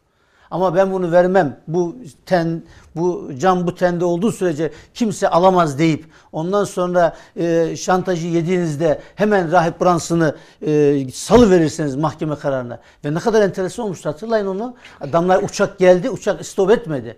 Yani uçak mahkemeden önce geldi. Hiç olmazsa devletin itibarını düşünen birisi şunu söyler. Yani garantisini vermezsin. Ya uçağı adamı sal, Uçak bir gün sonra gitsin yani. Onun üzerine uçak çıksın gelsin. Uçak çıktı geldi. Rahibin salınacağı biliniyor çünkü. Ondan sonra stop bile etmedi. Ondan sonra Rahip Fransız salındı. Ondan sonra gitti orada Amerikan başkanı karşıladı. Çok güzel bir karikatür vardı onunla ilgili. Gerçekten e, Rahip Brunson davasıyla ilgili herkes Rahip Brunson davasını merak ediyor. Merak edenlerin ilk sırasında ise mahkeme heyeti geliyor. evet. İşte evet. evet. Böyle bir şeydi. Şimdi bu e, koyu ile ilgili bir şey sormak istiyorum vaktimiz varsa. Var. Bir toparlayacağız ama bir 10 dakika içerisinde. Şimdi bu çok karmaşık bu işler. Yani kamu özel işbirliği projeleri dediğimiz. Mesela şehir hastaneleri şehir içindeki şehir hasta, şehir içindeki halk hastanelerinin kapatılmasına yol açıyor. Şu anda pandemi olduğu sebebiyle şehir hastanelerinin yıkımı net anlaşılmıyor. Ama Evet. işte havalimanları var. Mesela 3. havalimanı İstanbul'daki yeni havalimanı. Şimdi söylüyor kira ödemesini e, 2020'yi almadık. 2021-22'yi de %50 indirim yapacağız. Devletin oraya ödemesi gereken şey e, e, şey var. Garantiler ödeniyor. Garanti ödemesi. Ama evet. Garanti ödemesini almıyor. Garanti ödemesi. Devletin ödemesi var. Devlet ödüyor. Onu Devlet- diyorum. Ha, pardon. garanti kapsamında biz paramızı ödüyoruz. Evet, garanti devlet ödüyor. devlet parayı ama ödüyor. onlar kiraları ödemiyor pandemiden Şu dolayı. ana kadar 3. havalimanı mesela bildiğimiz kadarıyla hiç devlete para ödemedi. Bildiğimiz kadarıyla ama hiçbir bilgimiz de yok. Kuzey Anadolu Otoyolu Yavuz Selim Köprüsü mesela 6,5 yıl yapım işletim süresi vardı. 3 yıl yapım geçti. 3,5 yılda işletim şu anda dolması lazım. Önümüzdeki yıl dolması lazım. Yani dolup hazineye devredilmesi lazım. Yavuz Selim Köprüsü. Kimsenin bir şeyden bilgimiz yok. Çünkü hiçbir bilgi açıklanmıyor. Siz bu konularla ilgili bu bir kişinin iki kişinin de baş edebileceği bir şey değil. Bir ekonomistin filan da baş edebileceği bir şey değil. Parti olarak özel olarak işte Zafer Havalimanı, Bayburt Havalimanı yani o ilçelerin, o illerin nüfusları sabah akşam işe uçakla gidip gelseler o garantileri doldurmuyorlar. %95'i garantiden ödeniyor. %5 ya Zafer Havalimanı. %5. Yani %5'i kadar ancak yolcu geliyor. Bayburt- 95'ini garantiden ödüyorsun. Bu kadar yanılır Şimdi mı? Bayburt bir saatlik mesafede Erzincan Havalimanı var. Trabzon Havalimanı'na şimdi bir saatlik mesafede Rize Havalimanı yapılıyor. Bunun gibi. Bütün bunları nokta nokta takip eden bir ekibiniz var mı? Şöyle yarın, söyleyeyim. Yarın hükümet değiştiği zaman geldiğiniz zaman biz size şunu sormak durumundayız. İyi Parti ne yapıyorsun? Hadi bunun hesabını tek tek hesabını çıkar. İbrahim Bey e, emin olun hepsinin üzerinde çalışıyoruz. Tabii fakat şeffaf değil. Yok, şeffaf, hiç bilgi yok şeyi, bilgi alamıyorsunuz. Bilgi de çok mesela Osman Gazi Köprüsü sağ olsun bir tane e, bir arkadaşımız da çok güzel çalıştı. Çok nitelikli çalıştık. Başka çalışanlar vardı. İşte onu oradan onu buradan bularak en sonunda yani şey yaptı ve bu hesabı da şöyle test ettik. Bizzat ben Fuat Oktay'a e, sordum. Fuat Oktay'a niye sordum? Çünkü strateji ve bütçe başkanlığı ona bağlı biliyorsunuz. Daha doğrusu Cumhurbaşkanlığına bağlı. Yatırım kararlarında oranın izni var. Hem de Ulaştırma Bakanlığı. İki bütçede de bunun mecliste tutanakları var. Tutanaklardan bakılabilir bunlara. Hesabımı ortaya koydum az önceki hesabımı. Yani 3 milyar dolar maksimum maksimum 1.2 milyar dolar yatırım maliyeti. Biliyorsunuz Evet, finansman evet. maliyeti koyuyoruz. Ağır bakım onarım koyuyorsun. işletme maliyetleri bilmem neler falan koyduğunda 2 küs oluyor. Yuvarlak 3'te. Ama bunun karşısında 13 milyar 14 milyon dolar. 13 milyar dolar kabaca diyelim ona da yuvarlak. Para garanti ediliyor. Dedim ki bakın Sayın Cumhurbaşkanı Yardımcısı veya Sayın Bakan ikisine de aynı soru sordum. Bizim hesabımız bu. Biz bu hesabı zorluklar içerisinde yapıyoruz. Sizin açıkladığınız rakamlar çok şey yok. Kimi rakamı firmadan alıyorsun, kimi rakamı akademisyenden, şuradan buradan. Bu hesapta bir yanlışlık varsa çünkü biz milletvekili olarak konuşuyoruz. Arkamızdan da onlar bizim değerlendirmelerimizi veya sorularımıza cevap veriyorlar. Bir saatten fazla bir süresi var. Eğer buna ilişkin bir itirazınız varsa o itirazınızı burada söyleyin. Yoksa ben bunların hepsinin doğru olduğunu kabul edeceğim ve ben bunları işte şu anda anlattığım şeyi orada söyledim. Bunları anlatacağım ve bunlar karşısında bize Cumhurbaşkanı Yardımcısı ve Ulaştırma Bakanı hiçbir cevap vermedi diyeceğim dedim ve buna rağmen bunların karşısında sizin yaptığınız hesap yanlıştır. Doğru hesap da şudur denilmedi. Yanlıştır bile demediler. Bakın doğru hesap şudur zaten demediler. Yanlıştır bile demediler. Dolayısıyla bu rakamlar o anlamda tescillidir. Biz bunları şimdi tabii çok zor şartlarda çalışıyor. Bunların rakamları ama biz bu işin metodolojisini biliyoruz. Yani şakır şakır o rakamlar, şeyler, sözleşmeler elimizde olduğu anda bizim için, bizim ekibimiz için yani şey bir günlük en fazla bir günlük bir olaydır. Bunların hepsinin e, şeylerin maliyetlerini veya işte ne kadar kıyak yapılmış onları çıkarmak. Onlar zor bir şey değil. Metodolojiyi biliyoruz. Mümkün olduğu kadar da olanları da çalışıyoruz. Hatta yani epeyce de bir çalışma var. Tabii hepsini de şu anda paylaşmış değiliz. Evet. Yani bunlar var Allah'ın izniyle bunlar İbrahim Son Bey. bir soru sormamız lazım. Yeter ki irade olsun ortada. Yani bunlar çözülebilecek meseleler falan değil. Yani bu kamu özel işbirliği proje. Tabii 154 milyar dolarlık Elif Hanım stok var orada. Yani bu mesele hakikaten o yüzden toplum bu konuda çok hassas. 154 milyar dolarlık proje stoğu var. Yani yapılmış bir şey var. Bunun önemli kısmı yükümlülük. Dolayısıyla bunu kamunun daha doğrusu toplam olarak ekonominin yükünü hafifletecek bir çerçeveye ivedi olarak sokulması lazım. Bu proje stoğunun. Be- Beni bırakırsan biz 10 saat 15 saat konuşuruz Konuşuruz. biz yani biz. Yok biz yayından sonra konuşmaya devam edelim ama E, Ben şeyi sormak istiyorum. Şimdi Halk Bankası davası görülmeye başlayacak. E, Bunun Türkiye'ye işte etkileri ne olacak? E, Ne bekliyorsunuz? Bununla alakalı yorumunuzu merak ederim. Parantez içinde soruna şey yapayım. Borsa üzerinden baktığımız zaman Halkbank hisse senetleri üzerinden baktığımız zaman borsada Halkbank davası kaybedilmiş şekilde fiyatlanıyor Doğru, tabiri doğru. caizse. Evet. Yani o zaten işin çok küçük bir kısmı olacak büyük ihtimal. Tabii bu e, bir, bir takım rakamlar konuşuyor işte 20 milyar dolar falan bir şey ceza gelebilir şeklinde. Tabii cezanın büyüklüğünün ne olacağını falan kestiremiyoruz. E, ama yani işte nereden bakarsanız bakın yanlış bir şey. Bir yanlışı yaptılar. Bunun bedeli şu anda Türkiye bunun bedelini ödeyecek. İşte mesela şimdi bu yanlışı yapanlar, Türkiye'ye bu bedeli ödettirenlere hesabı bu işin sorulması gerekir. Yani önümüzdeki dönemde her neyse. Çünkü bu bile bile. Biz o zaman devlette çalışıyorduk. Bu altın işlemlerini, bu tabii Rıza Zarrab ismini o zaman bilmiyorduk. O isimler sonradan çıktı ama tabii bir altın yani bu şeyin o müeyyidelerin, Amerika müeyyidelerin delinmesi olayı olduğu belliydi yapılan şey. Mesela biz o zaman bürokrat olarak çok karşı çıktık bunların yapılan yanlışlara. Tabii bizim bir sorunumuz olduğundan da biz ekonominin genelini hani düşünen bir kurumda çalıştığımız için. Yoksa o işlemede herhangi bir şekilde bizim imzamız yok. Şimdi dolayısıyla bunun e, piyasa büyük ölçüde aslında bunu satın aldı ama yine rakamın netleşmesi durumunda, faturanın ortaya çıkması durumunda bunun e, şeyde ekonomide e, mutlaka olumsuz yansıması olacak Bir maalesef. de bir izleyicimizin sorusu vardı. Söz vermiştim. E, cevap da yazdım çünkü bu sorunuzu soracağım diye. Diyor ki Burak Özdemir, e, Erhan Bey ekonomide liberal politikaları mı, devlet politikalarını mı benimsiyor? Liberal mi Keynesyen mi? Şimdi şunu söyleyeyim. Yani e, ben liberalim normal şartlarda. Yani mümkün olduğu kadar liberal ama şu Anormal anda ge- hayır hayır değil. şunu söyleyeceğim. Anormal şartlarda şu. Aslında şu anda dünyanın geldiği ortamda aslında devletçi politikalara ihtiyaç var. Çünkü li- ekonominin yani normal tam pür ben pür liberal değilim elbette. Pür liberal değilim ama normalde liberal iktisat teorisinden yanayızdır. Birçok insan da aslında öyledir. Ama şu anda geldiğimiz noktada Şimdi küresel krizde bunu gösterdi, salgın dönemi de bunu gösterdi. Yani devleti böyle her şeyin içerisine çekeyim falan dediğiniz zaman da işleri yürütemiyorsunuz. Devlet işin içerisinde yani düzenleyici rolüyle, denetleyici rolüyle olacak ama bir ticari aktivitenin içerisinde de, de devletin belli ölçüde olması gerekiyor. Bu anlamda bize karma şey diyelim hadi karma karma ekonomi deriz ya öyle bir politika. Ben Evet. de aynı şekilde mi? kendimi Evet. tanımlayayım bu sayede. Peki, aynı düşünce Son içerisinde. 3 dakika bir soru daha aşı nerede? Şimdi aşı gelmiyor. Ee, Sinovac verdiği sözü niye tutmuyor Türkiye'ye? Bunun e, bu verdiği sözü tutmamasının altında da ekonomik sebepler Para var mı? ilişkisi var mı? Çin'le Çin, Çin sadece aşıda Çin'e bağlılığın para ilişkisi parasızlıktan veya para ilişkisiyle bir bağı var mı? Vallahi işte doğrusu o kısmını bilmiyorum. Yani ona bir şey diyemem. Yani şu değildir herhalde. Yani biz aşı vereceğiz de bunlar parasını ödemeyecek filan bir meselesi filan değil.